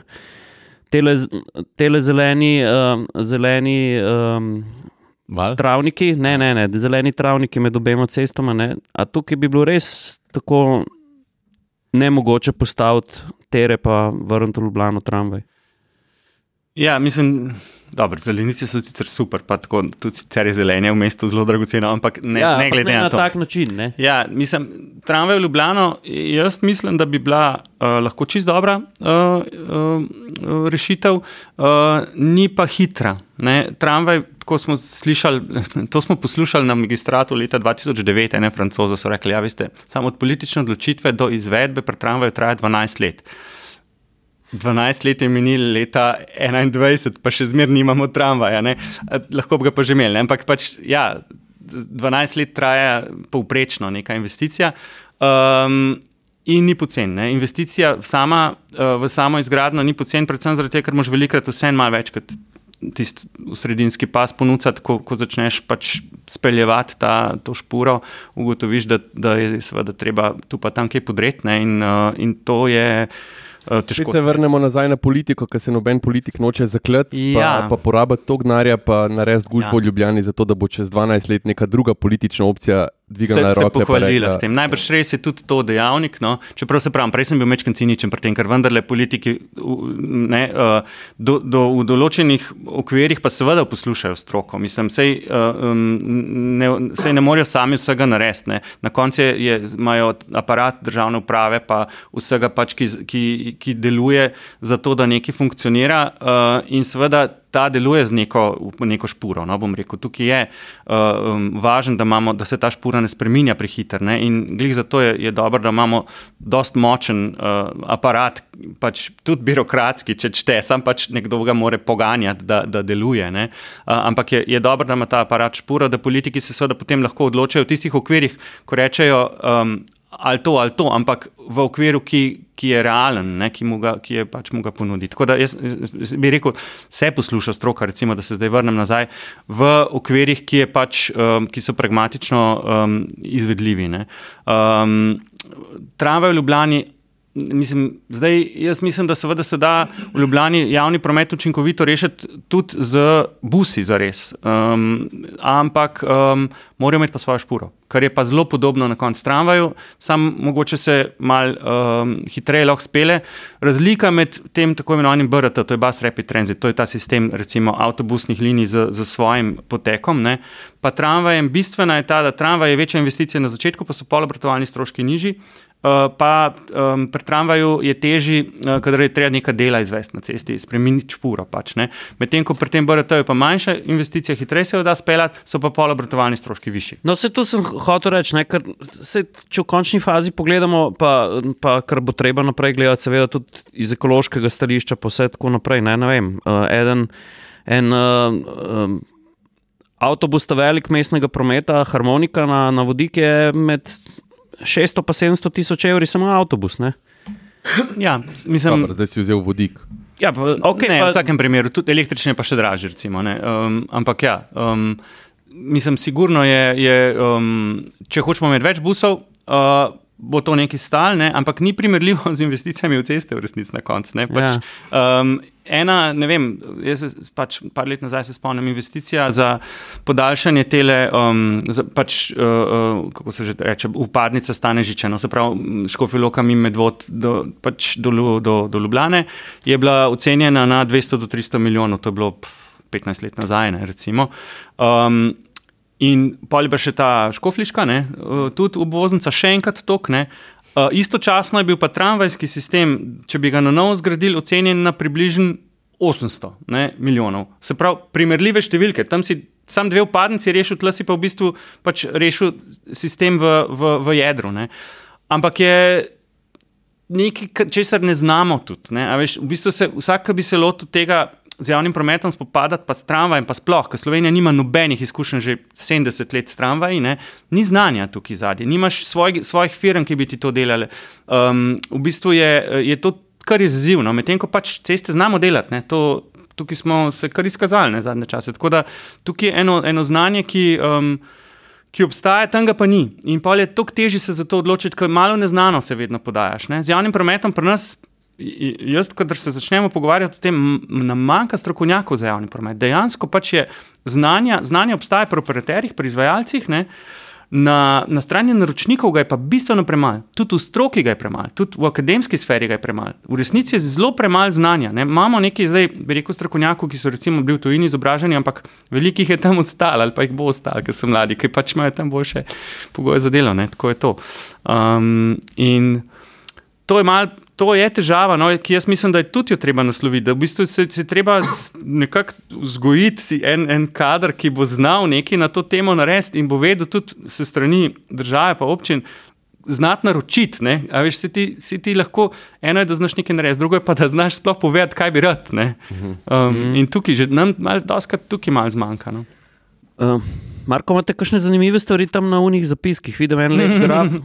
Je kaj tacga, je, je mogoče, ker se seveda ukvarjate z raziskovanjem prometa, je pa kaj tacga posebenega v slovenskem prometu, kar bi tako izpostavili tudi kot dobro prakso ali pa kot tako eno slovensko posebno zanimivost, karkoli. Mislim, jaz sem si tle par stvari sprintal, pa v bistvu ne vem, če bi znal kaj, kaj posebej izpostaviti. No, pač to, da je promet pri nas največji porabnik energije, največji uh, um, vir izpustov CO2, kar ni v Evropi, ne? pri nas je spet tukaj pa običajno, kaj je kmetijski? Uh, sektor, energija. energija je, recimo, bolj pa industrija tudi zna biti. Pri nas, je, um, pri nas je pač promet. Sej ni daleč pred uh, industrijo, pa je, um, ampak pač uh, je prvi. No? Um, in se povečuje, to je še. Ne? Tudi zaradi tega, ker smo pač, bi rekel, zaklenjeni v ta sistem uh, avtomobilskega prometa. Uh, to je mogoče taka recimo, posebnost. No. Um, drugače pa so pač ne vem, tle imamo ene podatke, anketne. No, oprosti, navezal bi se na ta ja, CO2. Ja. Mogoče je tudi to, da smo mi pač glavna, glavno križišče v Evropi, tudi, uh, mislim, kar se tega tiče. Niso samo Slovenci upeti v te meritve, ne? in njihove navade in njihovi uh, premiki. Zdaj, v glavnem v teh meritvah so samo, samo um, Aha. uh, pač slovenski, oziroma tisti, kar naše. Um, ha, naprimer, ni štet uh, ladijski promet, ki konča v, v Luki Koper, in ni štet um, um, Tovorni letalski, promet. letalski. Ne, eh, tovornjaki so pa ocenjeni, to pa je neka, um, pač z nekimi ocenami operiramo. Ne, um, Je, je pa tako, da pri izpustih je dve tretjini izpustov, približno, je, mislim, 99 postoječ cestni promet, ne od tega, ker pač smo letala, pa, pa ladje dal stran, ne, uh, in od tega je dve tretjini osebni avtomobilski promet. Tovornjaki je manjši del v smislu izpustov. So pa daleč največja škoda na cestah delajo. To je pa tako. Je to strukturno pač, pomeni veliko škodo za, za Mislim, uničevanje cest, ki jo povzročajo, je skoraj vsa od tovornjakov. ne. Od, če bi samo avti se vozili na cest, skoraj ne bi bilo treba popravljati, tako rečem, avtocest. Ne? Pač tovornjaki povzročajo neprimerno, tako 10 tisočkrat, 20 tisočkrat večjo škodo kot, kot avto na, na, na, na cesti. Ne? Kaj lahko naredimo? Uh, mislim, jaz sicer mislim, da se moramo začeti pogovarjati tudi o tem, da se na Evropski uniji um, eh, pač neke uh, um, Omejitve? omejitve postavi. Pač Avstrija je imela včasih, ne, kot vemo, pa smo jih potem malo mi zašili takrat, čisto zares, ko smo vstopili v Evropsko unijo, so oni se hoteli še spogajati, da bi svoje dovolilnice, ne se, se spomnil dovolilnice. Oni so imeli uh, kvote, ne, koliko kolik tovornjakov se sme peljati čez Alpe, zaradi z vidika uh, zaščite alpskega prostora so imeli oni to, to bi rekel, posebnost. Ne. Pa nekako so potem jih Evropska unija uh, zavrnila, ne, ko so pa hoteli podaljšati to, te, te, ta sistem kvot. Ne.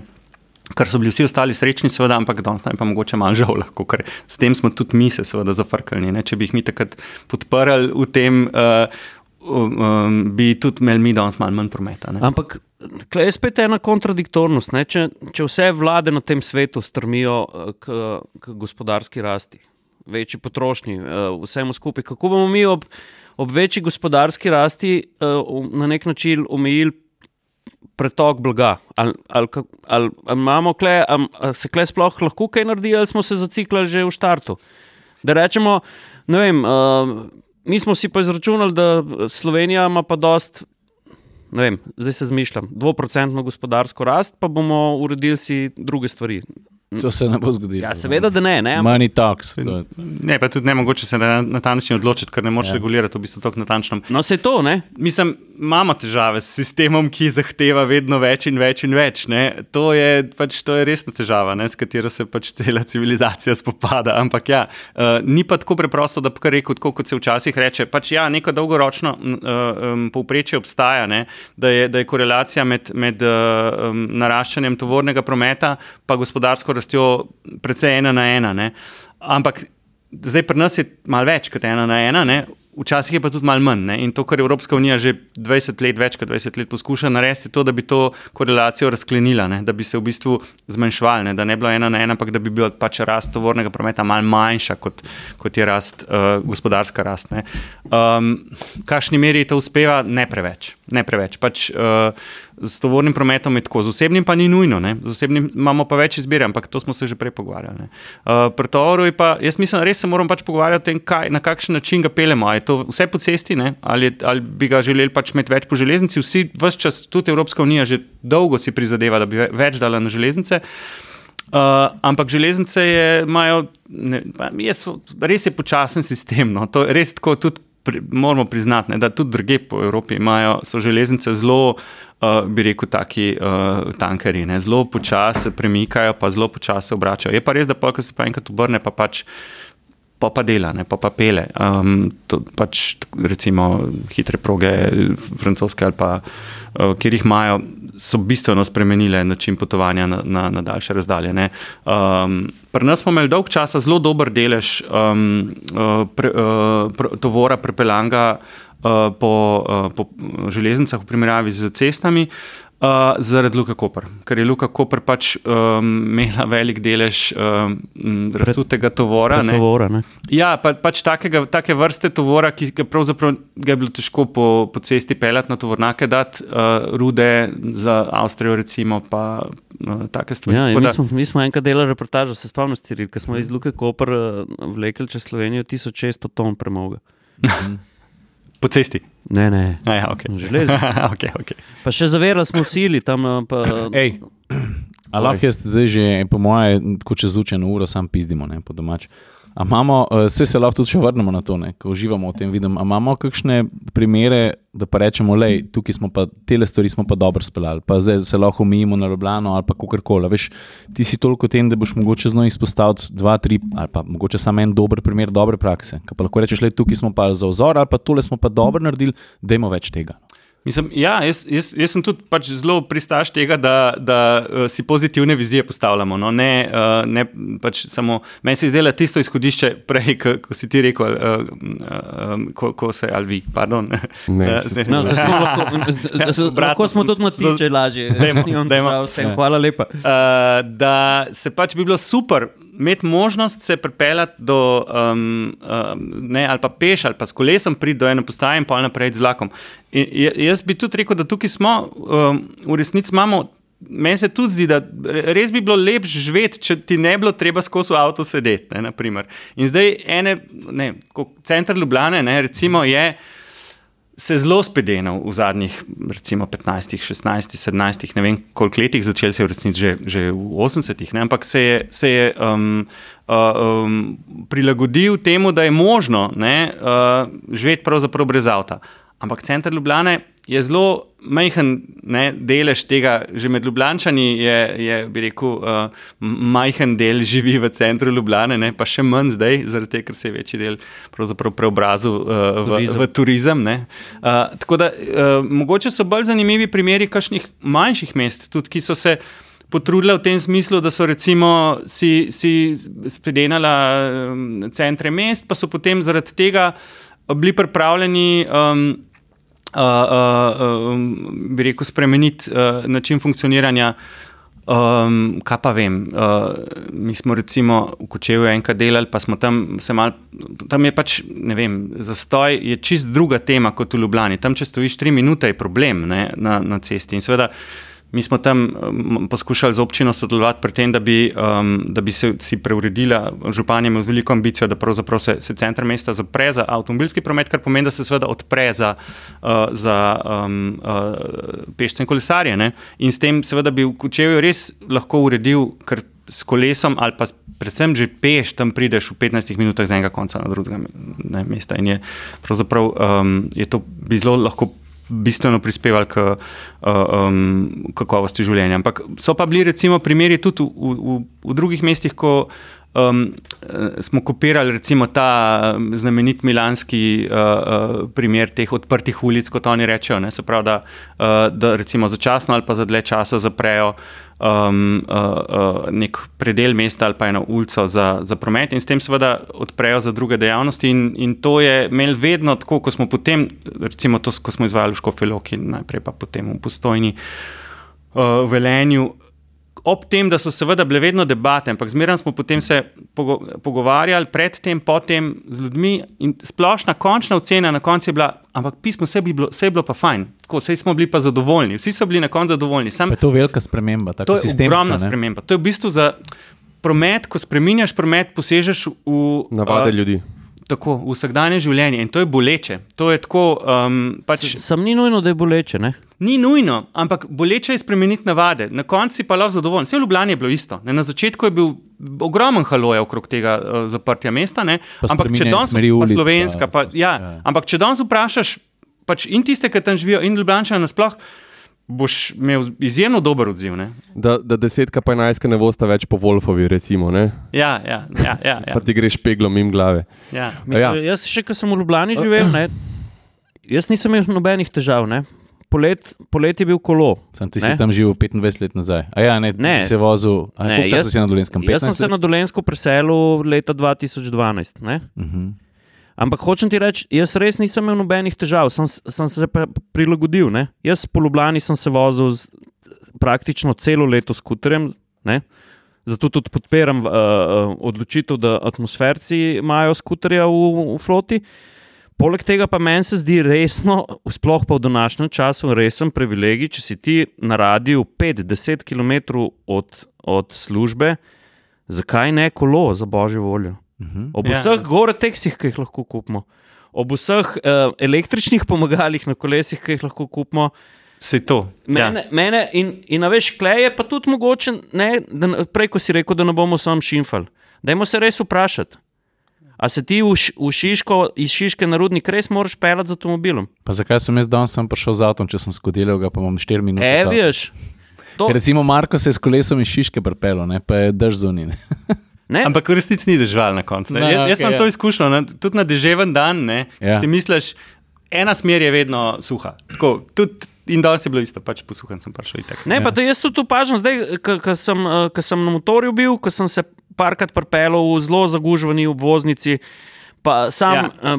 pa, pa sam nisem pristaš tega uh, nasilnega filtriranja, da bi skuteristi in motoristi kršibali med avti, ne glede mm. na to. Ampak tudi ta prometna kultura, jaz sem opazil, da se spremenja, da smo, Ja. smo se približali evropskim mestom. Uh, Meni se zelo redko zg- zgodi, da če se z motorjem lepo kulturno propeljem po pravi strani ceste, uh, da me ljudje vidijo v gledalu. Meni se v Ljubljani praktično več ne zgodi, da bi me nekdo hotel zaprt. Ne? Pa se tudi to, kar me- omenjaš, ta evropska mesta. Veš, vsi, vsi gledamo to kot nek eh, prometni ideal, ne? ampak dovolj je v bistvu, da greš ti v neko Ženevo za, za par dni, pa prideš nazaj v Ljubljano, pa se ti promet v Ljubljani zdi super fin. Fajn. Ne, jaz veš, tako, res. No, pač to- Mi vsake tok cajt se gremo na, na ženevski sejem, pa tam umiraš v prometnih zastojih. Tako, Ja, no, se, Res. no, se, to, dobro, to so druge stvari, ampak v resnici po evropskih statistikah mi nimamo zastojev. praktično. Mi nimamo Mislim, nobenih težav. Tako, Tako. sej, pa, pa vemo, da jih imamo, no, Ja. ampak ja. zato je to, to rel, zelo relativna stvar. ne. No, Um, ampak vidimo pa, da, da je trend tak, da je zmer hujš. Zaradi, Ja. tega, zaradi tega smo mogoče glasni, pa želimo že zdaj ukrepati. ne. Mislim, je, je, je en pomemben podatek, no, ki smo se prej pogovarjali, uh, pa se fulj navezuje na to. Polovica poti uh, opravljenih z avtomobilom je krajših od 5 km. Vse, od vseh poti, ki so pač. Uh, Tudi v- ponekod, pač po različnih statistikah, ponekod so celo krajše od 2 km. 20% poti je krajših od 1 km. Pač to so res niso razdalje, ki nam jih je treba z avtom voziti. No, in tukaj bi znotraj naselij lahko ogromno naredili. ne. Pa tudi, um, tam, in s tem bi seveda sprostili kapacitete za tiste, ki, bi, ne, uh, seveda, ki se morajo prepeljati, ker danes nimajo izbire, ker so se v eni fazi morali. Uh, ne, preseliti. Eni si so si izbrali, da se preselijo ne vem, nekam izven Ljubljana, drugi so se pa morali, ker si tukaj niso mogli več provoščati. In tisti so v resnici tisti, ki, ki, ki, za katere moramo delati, tisti, ki imamo izbiro. No. Uh, tukaj je po mojem dosti pomembno to, da, da, um, da sprostimo kapacitete, vsaj v mestih, ne, ker, ker zakaj stoji. Tudi zaradi tega, ker seveda se v mestu avti ne morejo zbasati, ker je prostorska težava. Avti, avti preprosto zasedajo preveč prostora. Ti ne moreš uh, z avtomobili nikoli rešiti kompletne mobilnosti, ne, ker je to ta uh, um, zasedba prostora um, zaradi premikanja in zaradi.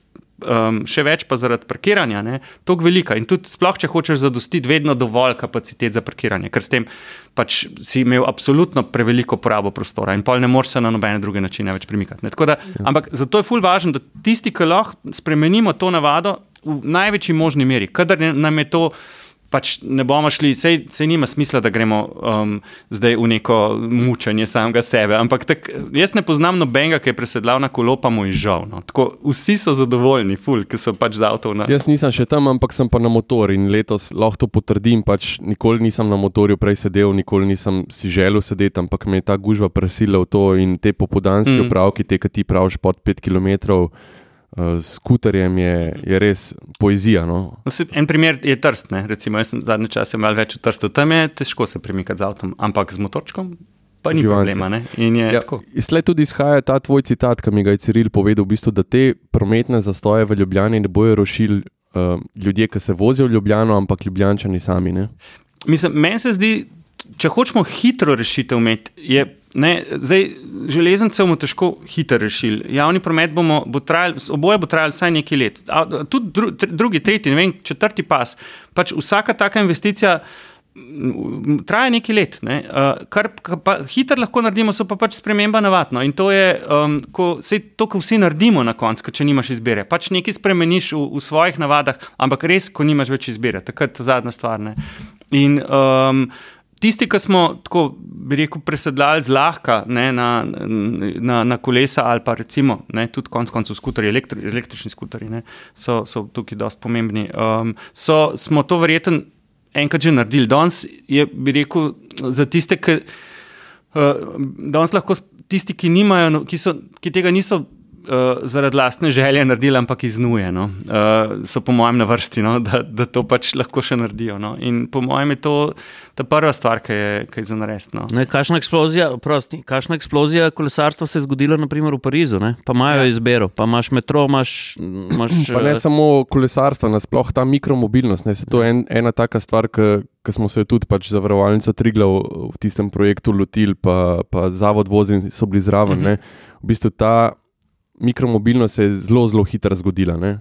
Uh, Eksplozivno je bilo. eksplozivno je bilo in jo je bilo treba umestiti v promet. a Ne. V Mm. prometu ni bilo ne, ne prometnih predpisov, ne infrastrukture. Nič. regulative. Nič, nič, nič.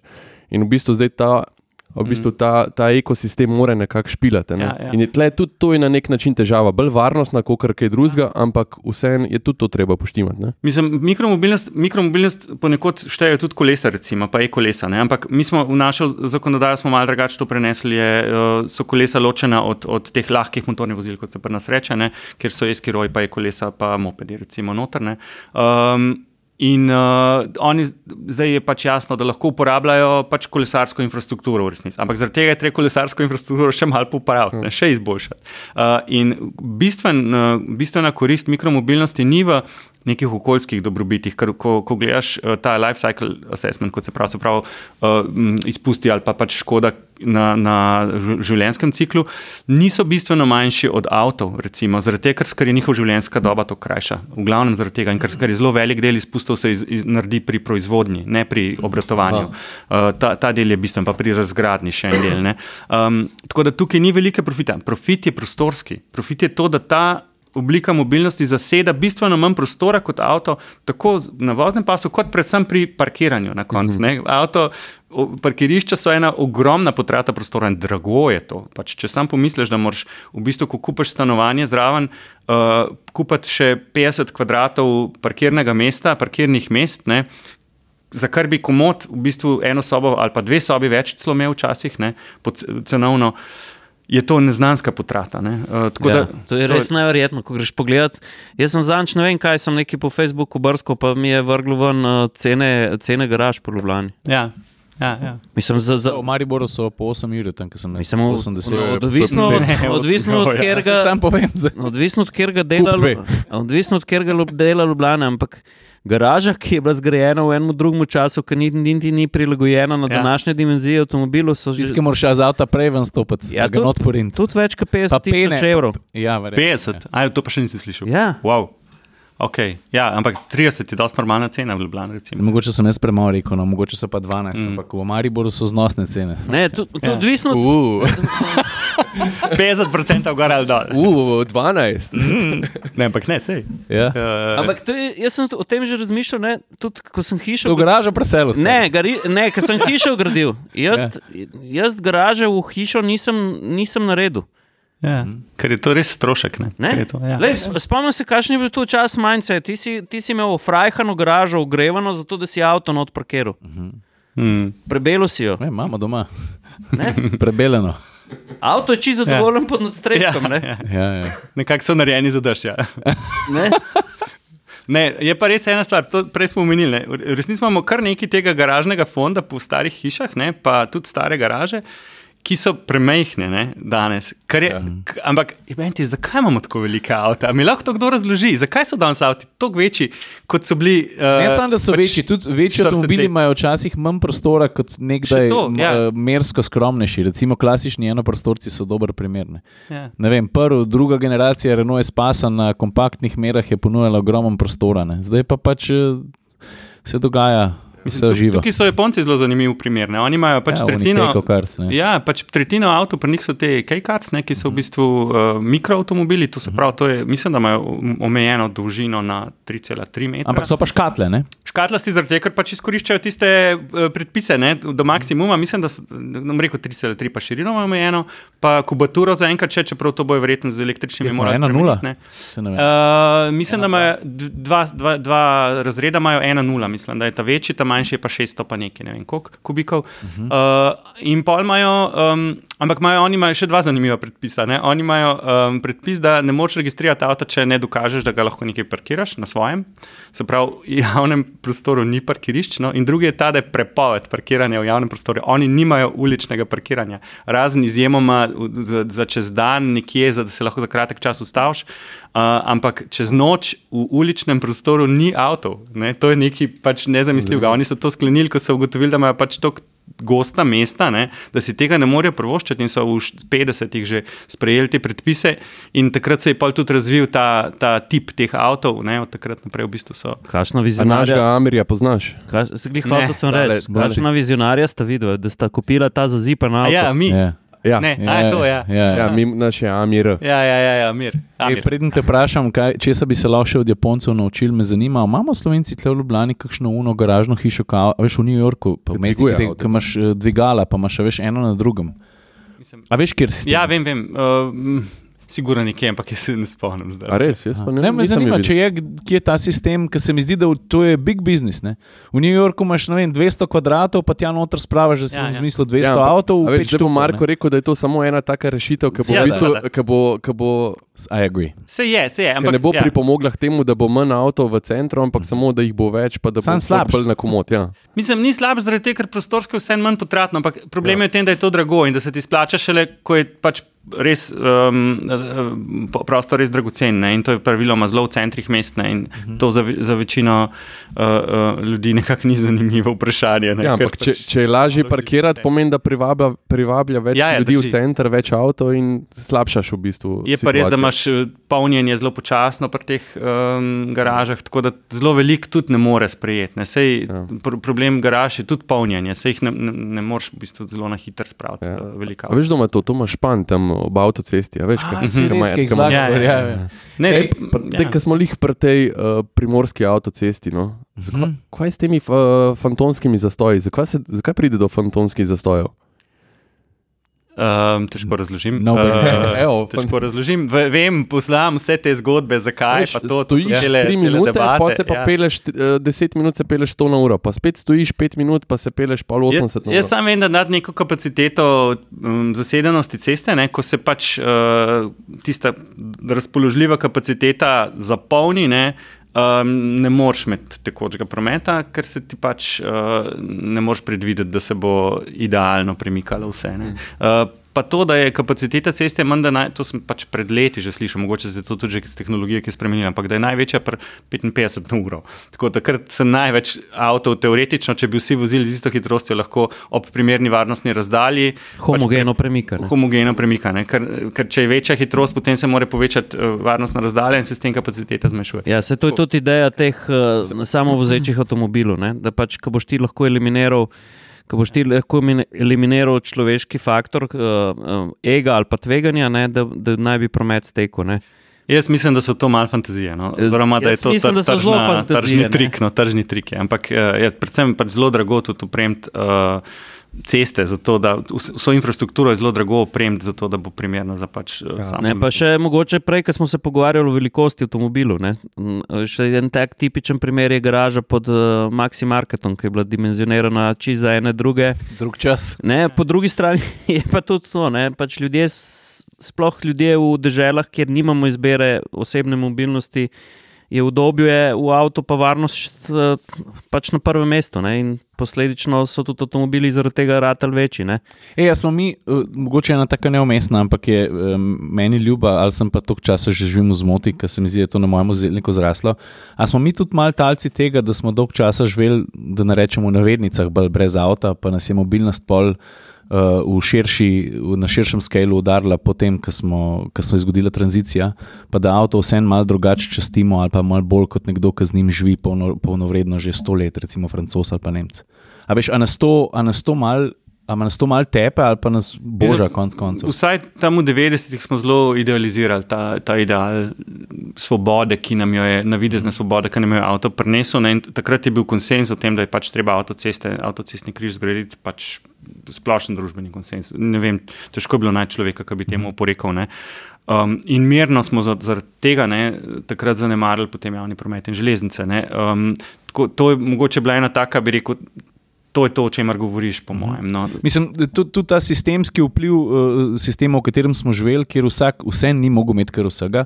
Pa se spomnim, smo imeli v Lukovci, se še vedno je stal, stal blog, z, bom rekel, z 20 stanovanji, pa so bili tri avtomobili. Ne? Pa se je pa ta sla, se mi zdi, aha, zdaj pa žihar, pa loh, pa je bilo mogoče tudi malo več prbajati denarja. Pa da je to tudi uh, pri psihi človeka, da avto mogoče vse malo drugače gledamo kot nekdo, ki je z njim drugače živel že Ne. Mislim, najbrž je, se pravi, mogoče zdaj to že malo upada. Jaz ja. nisem pristaš teze, recimo, da imamo Slovenci drugačen ali pa bolj fetišističen odnos do avta kot, no, to me zanima. kot, kot uh, uh, recimo Nemci. Jaz, nasprotno, jaz mislim, da imajo Nemci recimo, bolj častijo avto kot še kot Slovenci. Um, um, že to, ta podatek, ki vidimo, da v strukturi stroškov ne, za mobilnost ni na kup tist, pa tudi avti se starajo, poprečen avto se v bistvu ja, stara. Jaz mislim, da nismo prav mahneni na, na, na to, da bi moral imeti avto kot statusni simbol. Tudi če mlade gledaš, pač za, njim, za njih avto Zdaj ne pomeni pomeni več. Sploh, sploh spremenja. In, in je to, uh, po mojem, mogoče v 90-ih je res bilo tako, da je bila ta, ta želja pa um, tako velika, da, da nam je to percepcijo zamenjala. Ampak uh, mislim, da je bilo to pač uh, kratkega daha in da smo zdaj tam približni, kot, kot so vsi, oziroma celo mogoče malo manj. No. no, ampak glede na te stvari, ki si jih zdaj omenil, pa glede na to, da, recimo, da zdaj spet nimamo tako velikega tega premika ljudi, ki gre zdaj uh, iz Ljubljane ven, pa iz mesta, da se seli nekam drugam, pa da tudi sprejemamo drugačne navade, kot praviš, mikromobilnost in tako naprej. Se mi zdi, da vse en, če, če malo razširimo ceste, če, če naredimo to stvar bolj pretočno, da ne bo spet prišlo do Los Angeles efekta, da bomo pa vse to, kar bomo naredili, zabasali. A se strinjaš z mano? Ker, recimo, ne vem, dam ti primer, prej nisi mogel do Benetka priti normalno uh, po tisti dvopasovnici, ker je, bila, je bil desni pas totalno zabasan.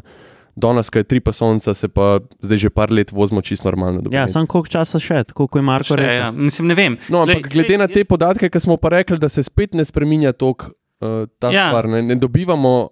Eksponentno več, več, več prometa. Moja večja težava je samo to, da je pač denarja omejeno. Ne? In zdaj, če bomo ta denar vložili v, v širjenje avtomobila, ja. je pač ga bo nekje drugje zmanjkalo. Sam to, v bistvu, to mi je ključna stvar. Vse, če bi človek lahko vse naredil, vse bi vse naredil. Ne? Ampak um, se mi zdi, da se pač nekje verjetno treba odločiti, kaj je bolj bistveno, in da je treba tisto rešitev nekako favorizirati, ki te naprej pele dleno. Um, in uh, zmanjševanje odvisnosti od avtomobila. Mogoče to, odvisnost, govorimo o odvisnosti avtomobila. Zaradi tega, ker pač je res. Um, Uh, um, ne, ima vse naše življenje v povezavi z avtomobilom, ima vse elemente odvisnosti, kot jo poznamo pri pač drogah ali pa alkoholu ali pa ja, cigaretih. Ja, uh, pač, ja, okay, okay. Ne, ne sem, tako zdi se ti, da je želja, ne, ampak čas, malo je želja, ne, malo je fajn, nekaj časa je fajn, pa pa ne moreš več ven z tega. Ne, pa pa se v bistvu tako prepleteš z tem lifestylem, ne, ja. da, da, da je dejansko si, si odvisen od tega. No, ampak skratka, da bi zmanjšali to odvisnost, je bolj narediti kaj drugega, no, po mojem. Uh, in to čim prej. Um, Kot pa to, da pač ponudimo še več tega, pa potem, ne, to je pa metadon varianta. Ne, pač vse nekaj časa bo ok, um, ni pa to dolgoročna rešitev. No. Kaj bi to mi čekal? agree to disagree. ja, ja, sej, no, sej. Ne, ne, sej, sej ne, vem, da, del, del, del, se vem. vem, da sem v manjšini v tem pogledu. No. Uh, ne, pak, pač, jaz pa ja. mislim, da nisi v taki mašini. Jaz imam blazno rotavte. In tudi, veš, kakšen bo rekel, da je največ zdaj hinavc. Valjda, jaz, jaz, če zadanem na loto, prvo, kar naredim, uh, razširim nad strešek in umo.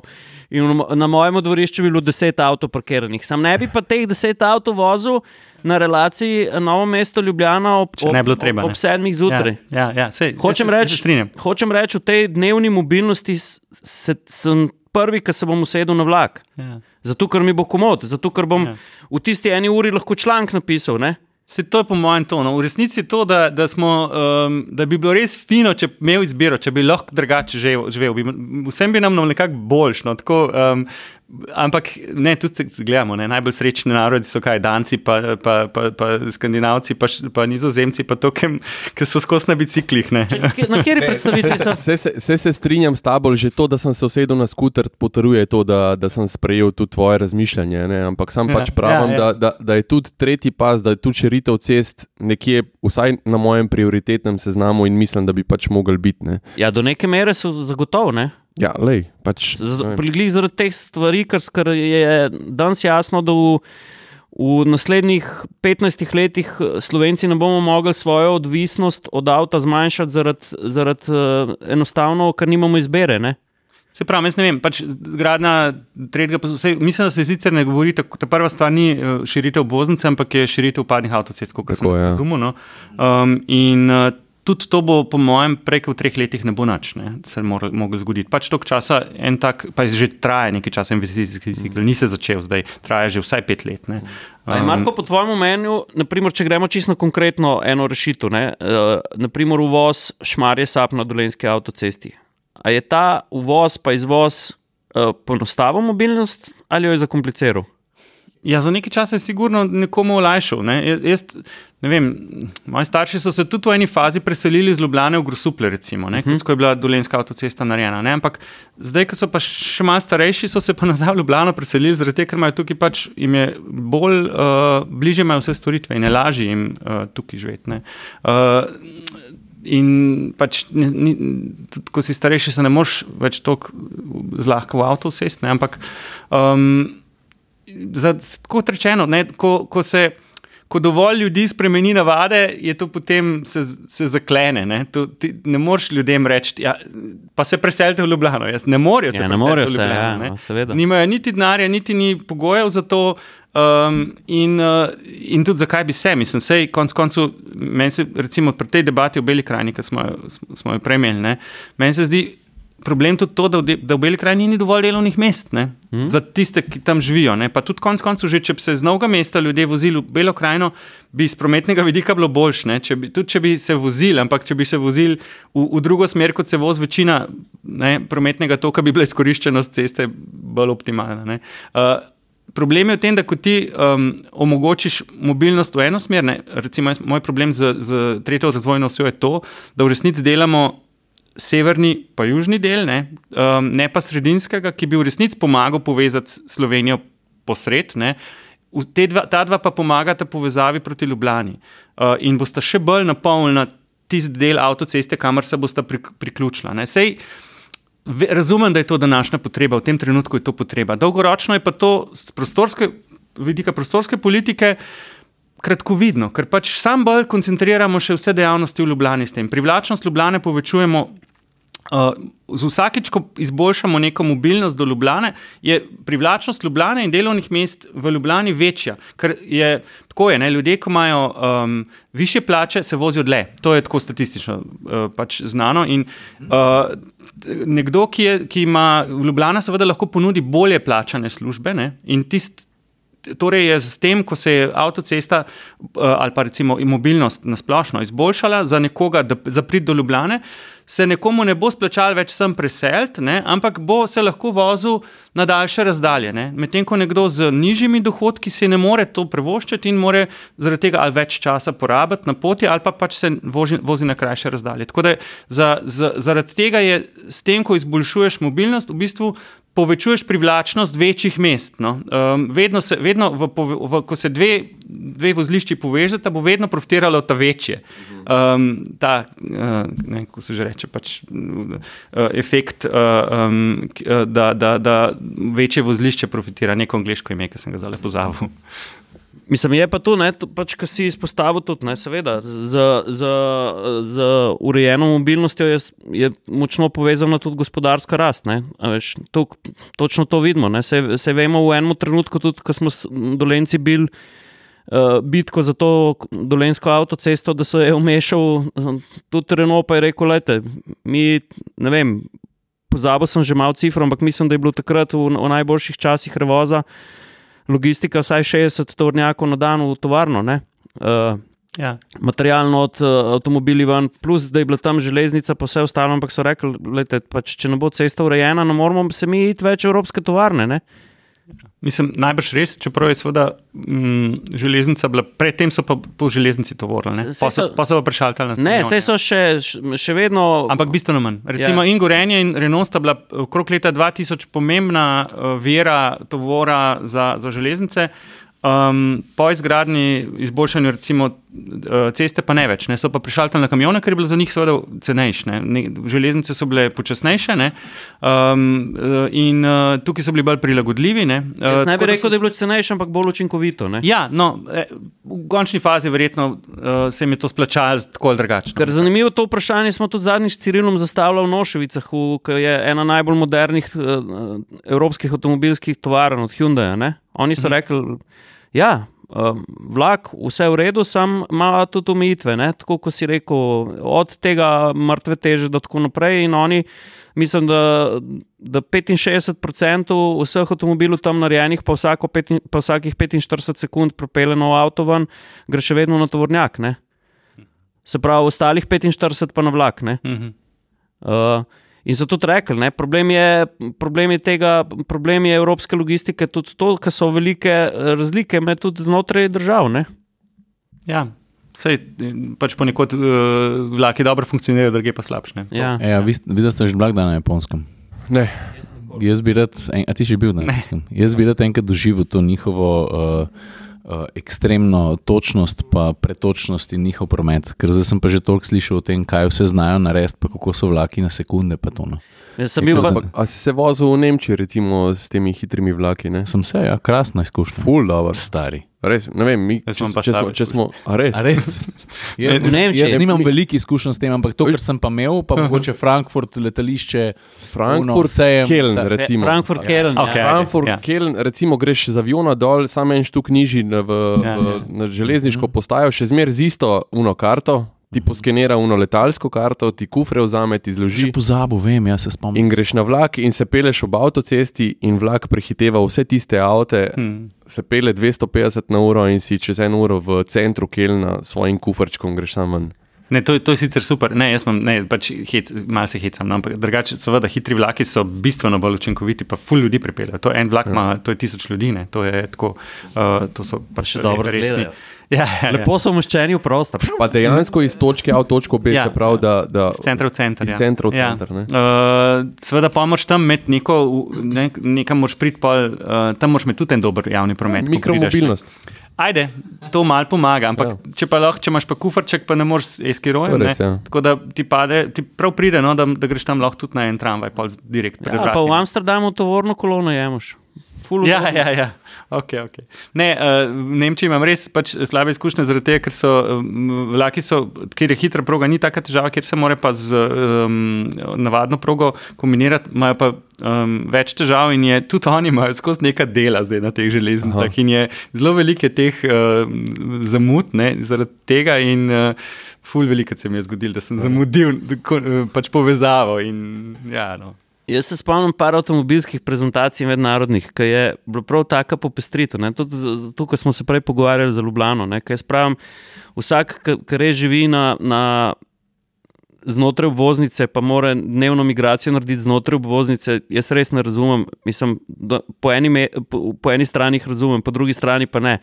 Ker se tudi spomnim na avtomobilskih prezentacijah. Mi dva smo bili enkrat na enem Mercedesu, ko smo se mi v center mesta pripeljali. Okay, zdaj ste eh, sprobali vse tisto, kar smo naredili za odprto cesto, zdaj vas pa povabimo, mi imamo tudi super bicikle, vse te se gor, pa se odpeljte eh, neko znamenitost pogledati. Ne? Uh -huh. Kakšen release je to tudi, ko ti prideš v, v neko tuje mesto, ki si sfokusiran, smer, navigacija, um, prometna gneča, pa pa parkiraš avto, pa se peleš po eni taki lepi promenadi s kolesom, pa prideš nekam tako. Mm. Keks bi rekel, ne? Uh, in, in to je res uh, največji čar tega, če, če, če si meščan, pa živiš v mestu, pa, pa da se odločiš spremeniti mobilnostne navade. Ja. Zdaj sem razmišljal, da bi rabil še peti mikrofon, pa Mateja Praprotnika povabiti, ki je tudi en velik ambasador za kolesa, s katerim se znamo, tudi, mislim, bi se znal tudi skregati, kdaj, ampak večjega ambasadorja za, za dve kolesi, pa nožni pogon ne poznam. No. Mm. To je njegov osebni boj, ki ga res v bistvu kar dobro bije s svojimi kolobusi. Um, ampak vidi se pa, da tudi uh, smo pa pol avtomobilisti malo v nemilosti pri njegovih uh, družbenih omrežjih. Ampak vse je prav tako, ker se mi zdi, da ta da tudi ta fight mal more biti, ker tudi če kdaj kakšen shot fire, ta veš tako mal neupravičeno ali upravičeno, če ne drugega, to sproži diskusijo. Veš, kjer posnetek bi mu jaz pokazal malo za provokacijo. Hmm. Zadnjič sem videl nekje na Socialu en tak uh, smešen posnetek, itak ne pove nič, ne ker je itak uh, tako. Ne? Vidiš samo dve sekundi enega posnetka, ampak nekje na nizozemskem je tako, da je na kolesarski stezi tako kolona, 200 metrov kolona kolesarjev, ki čakajo na, na neko zeleno luč, ne? zraven so pa tri pasovi na, na cesti, čist, Prazni, prej, ja. čist prazni in benga avta ni. ne. Tam je že kontra problem, stari. Ja, kontra, a veš. Jaz v Ljubljani opažam, pač, ene parkrat sem v Ljubljani na ne vem, celovški, ne, na v Konici, se nas nabere pred semaforjem kolesarjev, pa pa pogledam, koliko je pa uh, kolona v avtu. Vse je polna kolona, vse je cela, ampak pa jih pa preštejem. In jih je manj kot kolesarjev. Mi smo tam zgužvani pred, pred semaforjem, vseh 20, ne? tam jih pa 20 že do naslednjega semaforja stoji praktično. Pač Ja. yeah. Avto hitro zgleda veliko, pa jih ni. Ne, to. ne, Sam, ampak, sam, to smo spet na, na, na procesu uh, prevajanja tekočine. Ne? Ti, ti, okay, na, na, na tistem semaforju je stalo koncentracija kolesarjev, ampak ko je pa avto prišel do naslednjega uh, semaforja, ki je šel vsak kolesar pa naprimer, po, v mesto svojo pot, Ja. je pa naenkrat bilo spet kontra. Ne? A Veš, Ja, ja, mislim, ne, um, glede kolesarjev, jaz pač še zmeraj smo manjšina, ne, tudi v Ljubljani smo še zmeraj manjšina. Ne, in manjšine se morajo zmeraj malo boriti, ne, zato ker eh, jih pač večina mal ne hote, ne, jih malo zatira. Ne, in, in zato je mogoče ta, ta Matejeva borba, je malo mal, mal ta manjšinska borba. No, tako, Ja, ampak se meni se zdi krasno. Pač, moraš se boriti, moraš Ja, ja, se ja, ja. postavljati za svoje pravice. prav tako, ja. Tako da je malo mal je tega, no, vsakdanje borbe, vse čas. Ne. ja. Cool. Mene tako osebno kar malo skrbi, ker so mi motori, če zdaj bolj, bolj všeč kot avti. Sem ti malo, no? Zdaj pa pazi, kaj Ne, govoriš. pač iskreno Ne, povem, se se, včasih zbudim po noč, pa se zasikeram. Sam, to je res. Pa, pa govori o teh vlakih, da se bo z vlakom vozil, ko bo vse Ne. ok. Pa, Lej, zadnjič Hitro sem, boš ti izpisnico dubu iz atmosfere. lej, zadnjič sem bil. A motori ne štejejo za atmosferce, samo vprašam. Male, Ma, delno. mal že. Uh, ne, zadnjič sem se naprimer, v Franciji pelil, ne pa se tako pelil po avtocesti s sodelovcem, pa tako padem jim uh, teže vene. Ja. Tako res padem jim. Ne. Tako ko si rečeš, uf, kva bi zdaj raj, raj tam gor, ne, na unmu vlaku. Ja. Pa še res dobro zgleda. Ne. Ej, pa, pa to samo to še reči. Recimo, ker Španci so en tak primer, ki marsikaj ne, ne, ne špila v državi, pa ni ok, ne? ampak imajo pa ful dober uh, železniški sistem. Mislim, to, kaj špila, pa kaj ne špila, se mi zdi, da imamo mi tudi čas predstave. Tako nimaš, ne, eno je vtis, drugo je, kako država res funkcionira. Mislim, Katalonija, recimo, jaz imam izkušnjo, da sem tam nekaj mesecev bival in je to pač funkcionira. Absolutno. Oni so hudi pragmatiki, ne bojo se spuščali v, v neke, um, bi rekel, stvari, ki, jim, ki se mi, mi izgubljamo v nekih detajlih. To bojo oni samo čez ramo vrgali, ampak pač tisto, kar je pa treba, bojo pa zrihtali. ne. Um, meni se zdi tudi, recimo, jaz imam boljše izkušnje z vlaki v Italiji, kot pa v Nemčiji. Tudi, naprimer, tudi. ne. Sam tudi zato, ker mogoče je res manj del na, na, na, na progah vse čas. Ampak čist dobro funkcionira. Je pa res, da so gosto, gosto poseljene države. Ne? Recimo Patska nižina je res uh, gostota prebivalstva. Ti za vlake, za hit. Za hitre vlake, konkretno, rabiš velika mesta, ki jih povežeš z njimi, zato ker to je zelo velika kapaciteta. Ti hitro povežeš z velikimi vlaki, pa, pa morajo biti dovolj na gosto. Uh, in uh, pač hitrih vlakov ne boš vozil po, po, po Sibiriji, naprimer, ali pa nekje, ker ni ljudi. Ti res go, gosto poseljene pač, uh, mesta. No. Pa še nekaj ne smemo pozabiti. Ne? Železnica v vsakem primeru, tudi če je najbolj sofisticirana v prostoru, vzame manj prostora kot avtocesta. Ne? Ja, absolutno vzame manj prostora, čeprav je vseeno gradnja draga. Mislim, da je celo na kilometr dražja kot recimo štiripasovna avtocesta. Uh, ja, tukaj je tehnike vnot ugrajene, fulje. Tehnike, Pa zelo natančno je treba graditi, ravno ja. zaradi teh eh, brzin. No. Um, da, ne, ampak zato sem jaz prej rekel, da za hitra proga recimo je za, am- ampak o tem bi pa absolutno se morali pogovarjati med pač Ljubljano in Mariborom s povezavo celja. ne. Uh, to bi bila za Slovenijo še kako smiselna um, rešitev, lahko za marsikaj. Ostalo se pa potem pač na- napeljuje na to, navezuje. Ti pač imaš pol možnost presesti v, v ne vem, Maribor, celju, Ljubljani. Enkrat mi je tudi en strojvodja rekel, da tudi vs- vse ostale proge, ki so po Sloveniji zgrajene, doskrat poslušamo o teh uh, čudežnih, mislim, ti, teh preostrih ovinkih, uh, oziroma radijih ovinkov, pa to, ampak je rekel, da na, na slovenskih železnicah tam do hitrosti 110-115 km, to sploh ni ta ovink s sodobnimi vlaki več problem, Ja. ampak da je problem. Uh, se pravi, luknje na progi, Ja, ja. zviti teri, ne? in da tam bi pri večjih hitrostih lahko prišlo do nevarne, nevarnosti izterjanja, ne, ne zaradi ovinkov. Ne? Se, se zaradi tega zdaj pač je treba pač vse te Prenavljati. popravljati. Pustimo zdaj te vlake. Ja, pa to. okej. Dej, gremo biti malo vizionarski.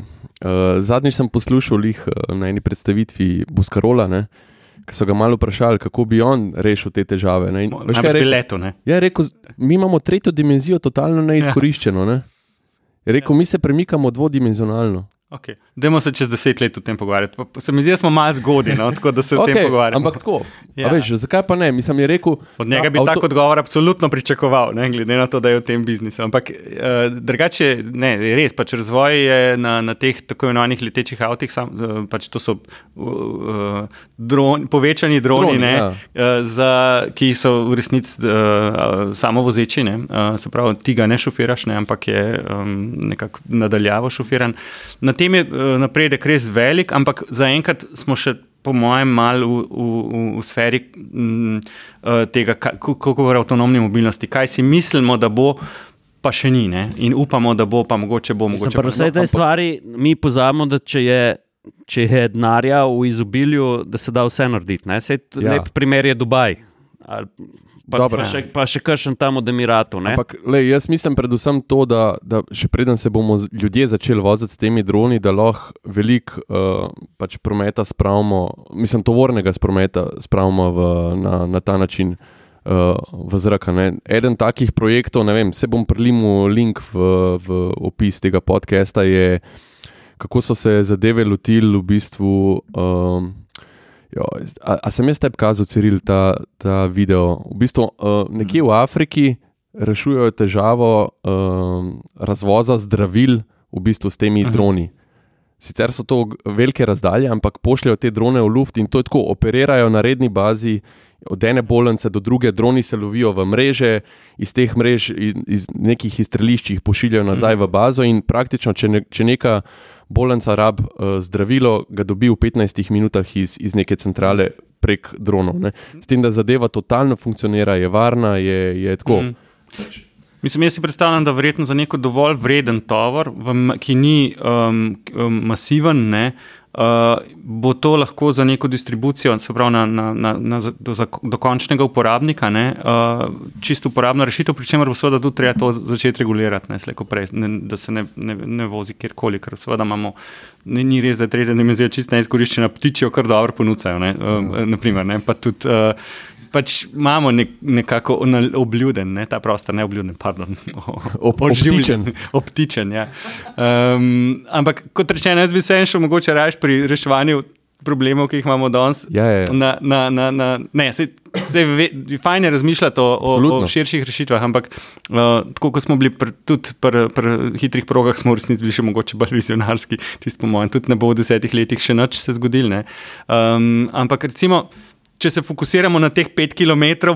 Naj, ta prvih pet km, po mojem, lahko največ naredimo za res. No, jaz res, res verjamem, da je to, tam je potencijal v tem trenutku za, za to, da, da se, mislim, da se te, da tistih 20%, ki se danes do enega kilometra vozi z avtom, ne, uh -huh. mogoče vse en tega ne dela, pa s tem pač sprosti cesto za tiste, ki res rabijo, pa da tudi uh, pač teh pet kilometrov. Ki jih naredimo danes, polovica poti, pač, kot rečeno, je krajših ne, z avtom. Uh, je, um, in in ve, večina je v, v, tudi v tem uh, pasu do 2 km, celo, ne, uh, ki ga lahko pešem, vse pa s kolesom narediš. Ne, ampak idealno je res, ful dobro bi bilo živeti v mestu, kjer ti dejansko imaš vse ključne stvari uh, na dosegu peš v parih minutah, ali pa vsak, vsaj recimo deset minut pešno. To je, da imaš ti, ne vem, trgovino, šolo, vrtec, uh, lekarno. Pa ne kakršno koli trgovino, pač različne vrste trgovin. Vem, v Ljubljani je, ne, kadar se lotiš doma nekega popravila ali pa nekaj, ne, greš v Bauhaus, nabaviš tisto, kar rabiš, in pa se pripelješ domov in gotoviš, da nekaj si pozabil, pismo. Ne. Zdaj mi brlog pri. Bauhausu. Ja, Ja, ja, pametno. Uh, še enkrat se lotiš, še enkrat delaš promet, to pač delaš promet. Ne? In v resnici bi bilo super, da bi ti lahko pač stopil čez cesto. Ne, Ja, ja. Pa to pravi. In to ni, tako bi rekel, idealistična vizija, ker to obstaja. To je obstajalo. To je pač včasih smo tako imeli. Uh, v, v teh, bi rekel, nekaterih eh, mestih, kot naprimer v Trstu, ne, ti to še zmeraj imaš, ti imaš tam polno nekih štacunc po mestu. Ne, zaradi tega, ker je z avtom se težko premikati, se pač ljudje se splača med štacuno. Ne. To je tudi povezano, ne, eno z drugim. Ti ne moreš, danes pri nas uh, v resnici se najbolj splača pač med shopping center. Ne.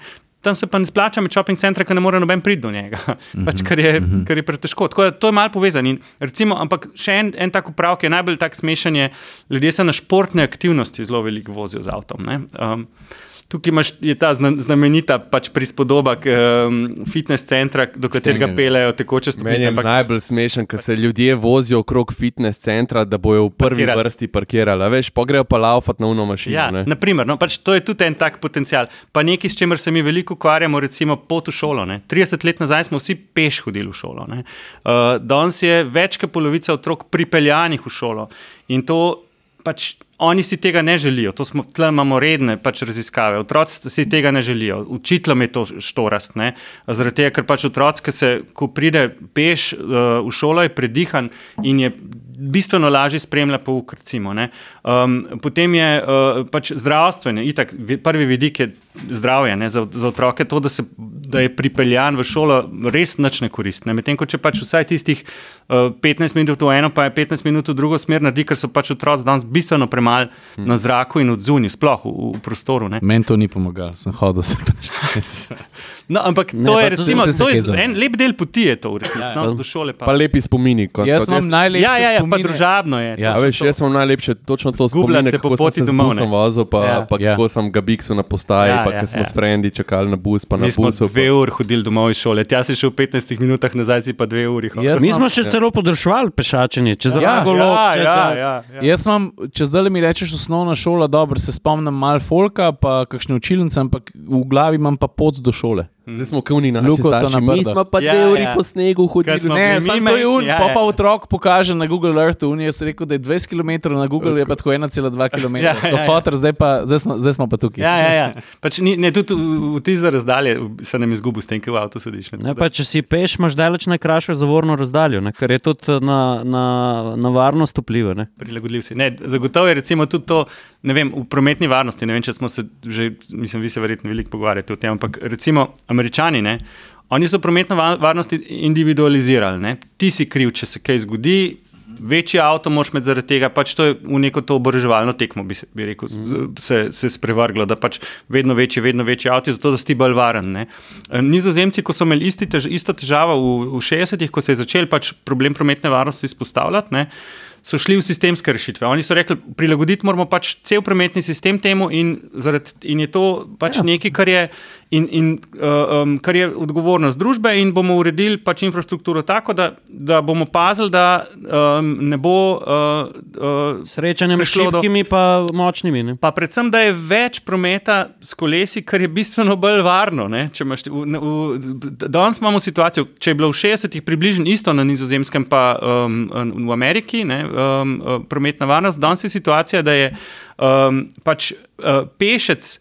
Uh, v, v, na nizozemskem uh, je bolj varen kot v, v, v največjem SUV-ju Američan. Ne? Tako pač uh, ne, neprimerljivo uh, več, ne, pač ta razkorak je ena proti sto danes no, v, v prometni, pro, prometnih nesrečah, mogoče na pamet rekel, ampak Veš, zanimivo, je, zanimivo je, ko pri nas pri, pri prometni varnosti se pogovarjamo, kakšna mora biti raz, bočna razdalja pri, pri prehitevanju kolesarjev, seveda, ker nismo to sistemsko uredili. Ne. Na nizozemskem imaš pa ti ločene kolesarske steze od ceste. Ne. in to širin takih, da si pri nas sam sanjaš. Ne, ja. meni je, jaz sem se vozil po nizozemskem z avtodomom. Enkrat nisem bil v stresu eh, srečati kolesarja. Ja. Ja. Zato, ker smo se s- o- srečala izključno na, Na na natančno ja. določenem Predvidljivo. ja. predvidljivem prostoru, uh, ki je on videl mene, jaz sem videl njega. Ja, in- no to, to so te ukrepe. Oni so res doterali to, ta, ta srečevanja, pa v bistvu ločeno infrastrukturo in s tem so se vsakič sproti ukvarjali, še zdaj se ukvarjajo, vsakič še zmeraj nove rešitve. V, bistvu oni upeljujejo in se potem praviloma v zvezi s kolesarjenjem in s to infrastrukturo od njih razširjajo po svetu. Recimo, ne? Oni so shared space, pač, ki so ga sicer mediteranci poznali na drug način, ampak niso mu nič rekli. Ne? Oni so ga pa poimenovali. Pa, um, pa potem so pač vse, vse ta um, umirjanje prometa, uh, ločene kolesarske. To, to so pač inovacije, ki so se od tam razširile zaradi tega, ker so se sistematično ukvarjali pač z, z, z varnostjo. A lahko še eno delač v prihodnost. Spet v luft. Ne, ne, ne okay. v luft ne. Tudi, ja, to sem ti prej hotel reči.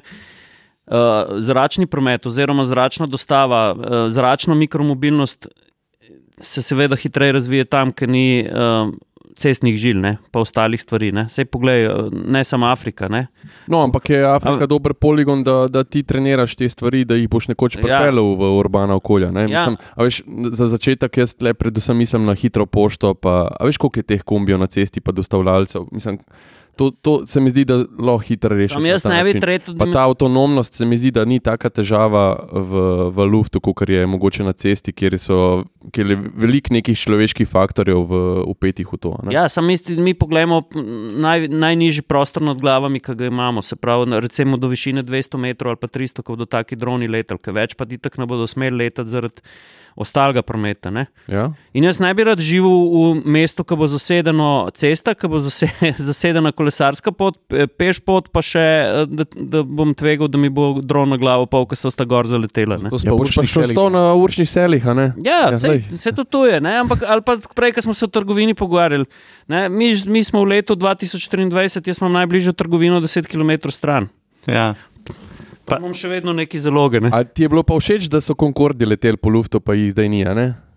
Ja, to ti je bilo pa všeč. Ja, Concordi so ti bili pa všeč, droni ti pa niso všeč. Ja, Concord Concordi so bili zelo tihi. Ne? ne, pa Concord pa dron pa ne bomo nikoli primerjali. No. Ja, ne. ne, ampak ta trgovina, no, mislim, mi smo, recimo, država je v država, pa, pa to ni, trgovine so privat, pa so pač gospodarska dejavnost. Pa ampak uh, mi imamo pošte, pa banke, pa Vse so tudi gospodarska dejavnost, ampak so regulirana in v bistvu so v večinski državi, mislim, državni lasti, bile takrat vsaj no, uh, banke še. Uh, zapirali smo poslovalnice, ne? bankomate smo ukinjali po mhm, vseh, mm, mm. še zdaj to počnemo.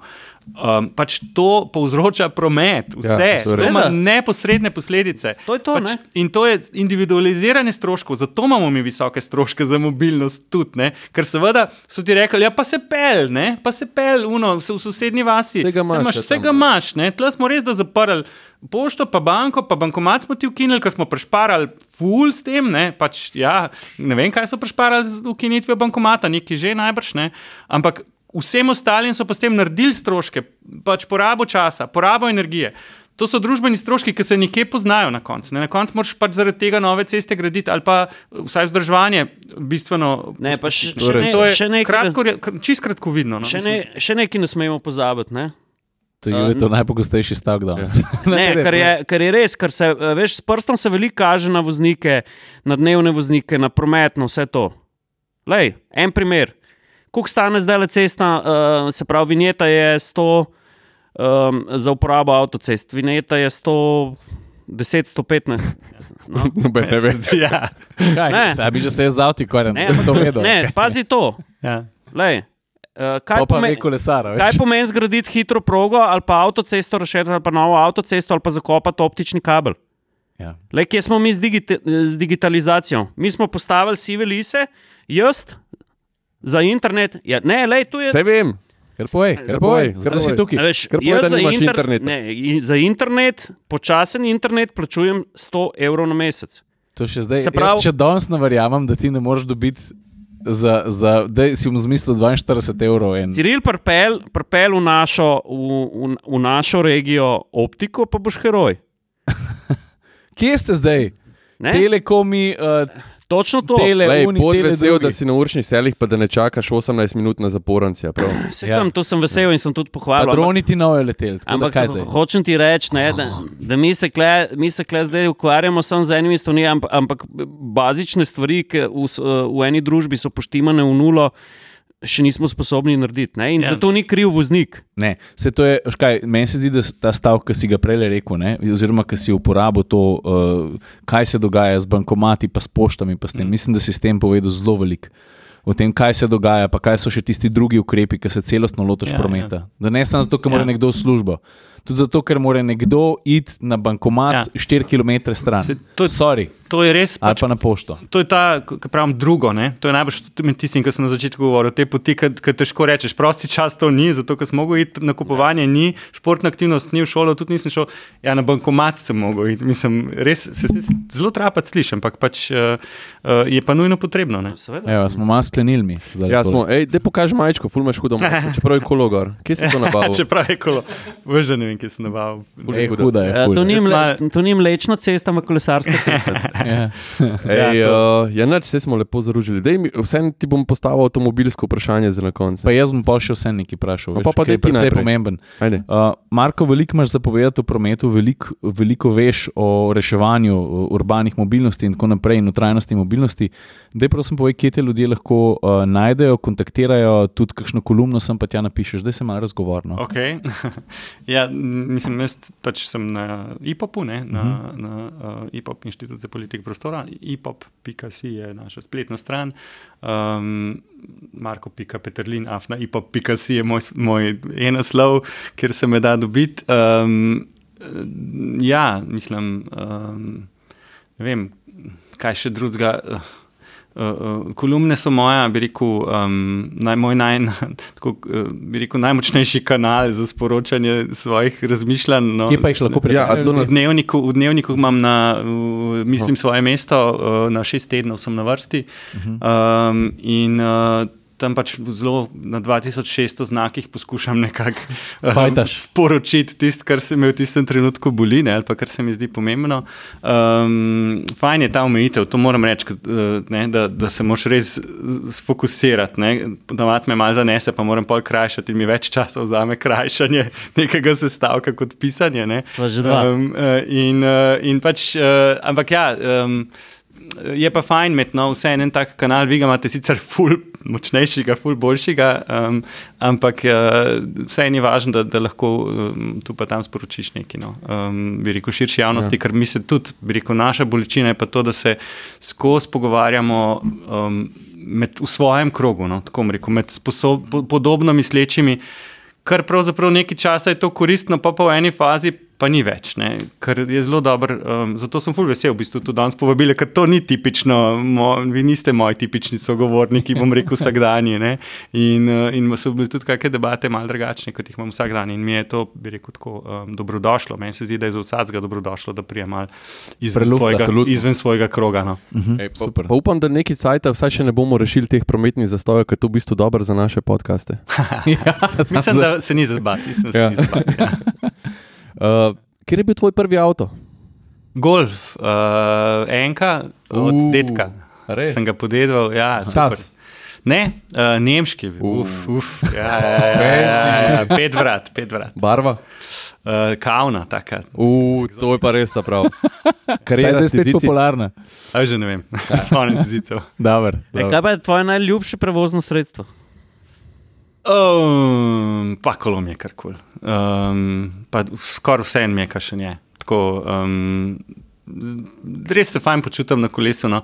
Uh, Je pa res, da tudi uh, vlak mi je pa tudi super, priznam. Na vlaku je pa tudi fajn, um, če je tako, bi rekel, tak, sodoben, ki se pa lepo usedeš, delaš lahko kaj. Točno Čeprav to, ja. ni nujno, da, da vsak čas, ki ga ima človek ponudca za delo, no, lahko tudi v bistvu kaj drugega počneš, no, ki je bolj kori, koristnega zase. Ne. Ampak um, je pa, pa sprehodiš se, če ti paše. Pa če, Točno to. to. Jaz obožujem aviacijo, obo- obožujem avione zaradi te fascinacije nad, nad tehniko, ampak meni je taka muka leteti z avioni. Uh, Mhm. Vlak po drugi strani je Čisti pa, je pa, užitek, to je pa stari. tak užitek, tako smuce voz, delaš Mhm. lahko. Mislim, ok, zdaj ne govorim o teh uh, primestnih, ki se nabašeš enemu na, Ja, na ja, hrbet, ja. ampak tako. Pa sploh te ta naši ta novi štadleri, ko so lepi. Mi je eno sliko, sliko tam iz, ušni, iz travnega dola, ki je, se po dolini prepele. A spomniš, ko sem jaz prišel do tebe? Ja, Sta malo. z vlakom. Ko so si sendviče lepo naredila, so je šla na vlak, Ja. ja. nalogo naredila na vlaku njeno. Uh, tako, Ej, je- vidiš, ful to je lepa zgodba. Ej, Ja, ja. to- fajn To je. so te pozitivne vizije, Ja, da ja. bi se lahko človek z vlakom vozil. No, evo. Ful futuristično. Veš, kje je moje največje doživetje na vlaku? Ko sem šel z muzejskim vlakom iz, iz Novega mesta Črnomelj skupaj v parni lokomotivi s korjačem pa strojvodjem. A skje naložil? Nista postila. Oh. Ne, veš zakaj? Ker To, veš, kakšna znanost je to? Vse sem članek napisal, ga bomo prepeli zraven. Ampak jaz sem toliko živel, pa v uni in uni razlagi, kako se je to razvilo, pa kakšen izkoristek ima parni stroj. Pa, ko si, ko si ti, Slab? V bistvu ne, ne tako slab, kot bi si mislil. Uh, pa ko si ti vrata od peči odprl, stari, tu, s- tu si mislil, da si v, na Havajih nad ja. vulkanom. A Veš, ni slab izkoristek, ampak ko si pa vrata od peči odprl, je pa butnil ven na toplota. Ne, se pravi. Večinoma so bila zaprta vrata. Ja. Ja, Ne, noro, noro. Uh, ja kul. Cool. ja, super. Ja, ne, ampak s- kolesari imate to, ti, ti si to zdaj malo posplošil, ampak jaz vem, da imaš sigurno en kolo, ki ti je posebej pri srcu. Jaz sem samo en kolo. No, ok, pa je ta, ampak je nekaj posebenega na njemu. Ja, je poseben, ga, dobil, dobil sem ga za rojsten dan. Evo, Evo, To zdaj ja, je, ne, ne, ne. Tako da, Pa brez baterije, ja? Brez baterije, ja, brez Ja, ja, baterije. Nimam nič proti baterijskim drugačem, Ja, ampak no, saj, ja, saj. tako ravno, ra, ful so podaljšali to razdaljo, za, na katero je še fi- fino kolesar, ravno zato, da ne zašviti. Pa je aluminij ali karbon. Noč od tega, po mojem je jeklo. Zelo je tak uh, da ti ga ne ukradejo. trden, mesten Ja. bicikl. Trajen kolo. Ja. Trajen, To je, to trajen je ta prava trajnost. Marko, najlepša hvala. Ja. Uh, uživali Hvala smo. za No? povabilo. Ja. Jaz že dolgo nisem uh, snemal podcasta, pa ker sem si tukaj nekaj dobrih citatov zapisal, A ja. ja. stvari, da bomo imeli za opis. Sem bil kul pridno mes. Uh, hvala še enkrat. Hvala, hvala. Ajde, čau. Živijo. Čau.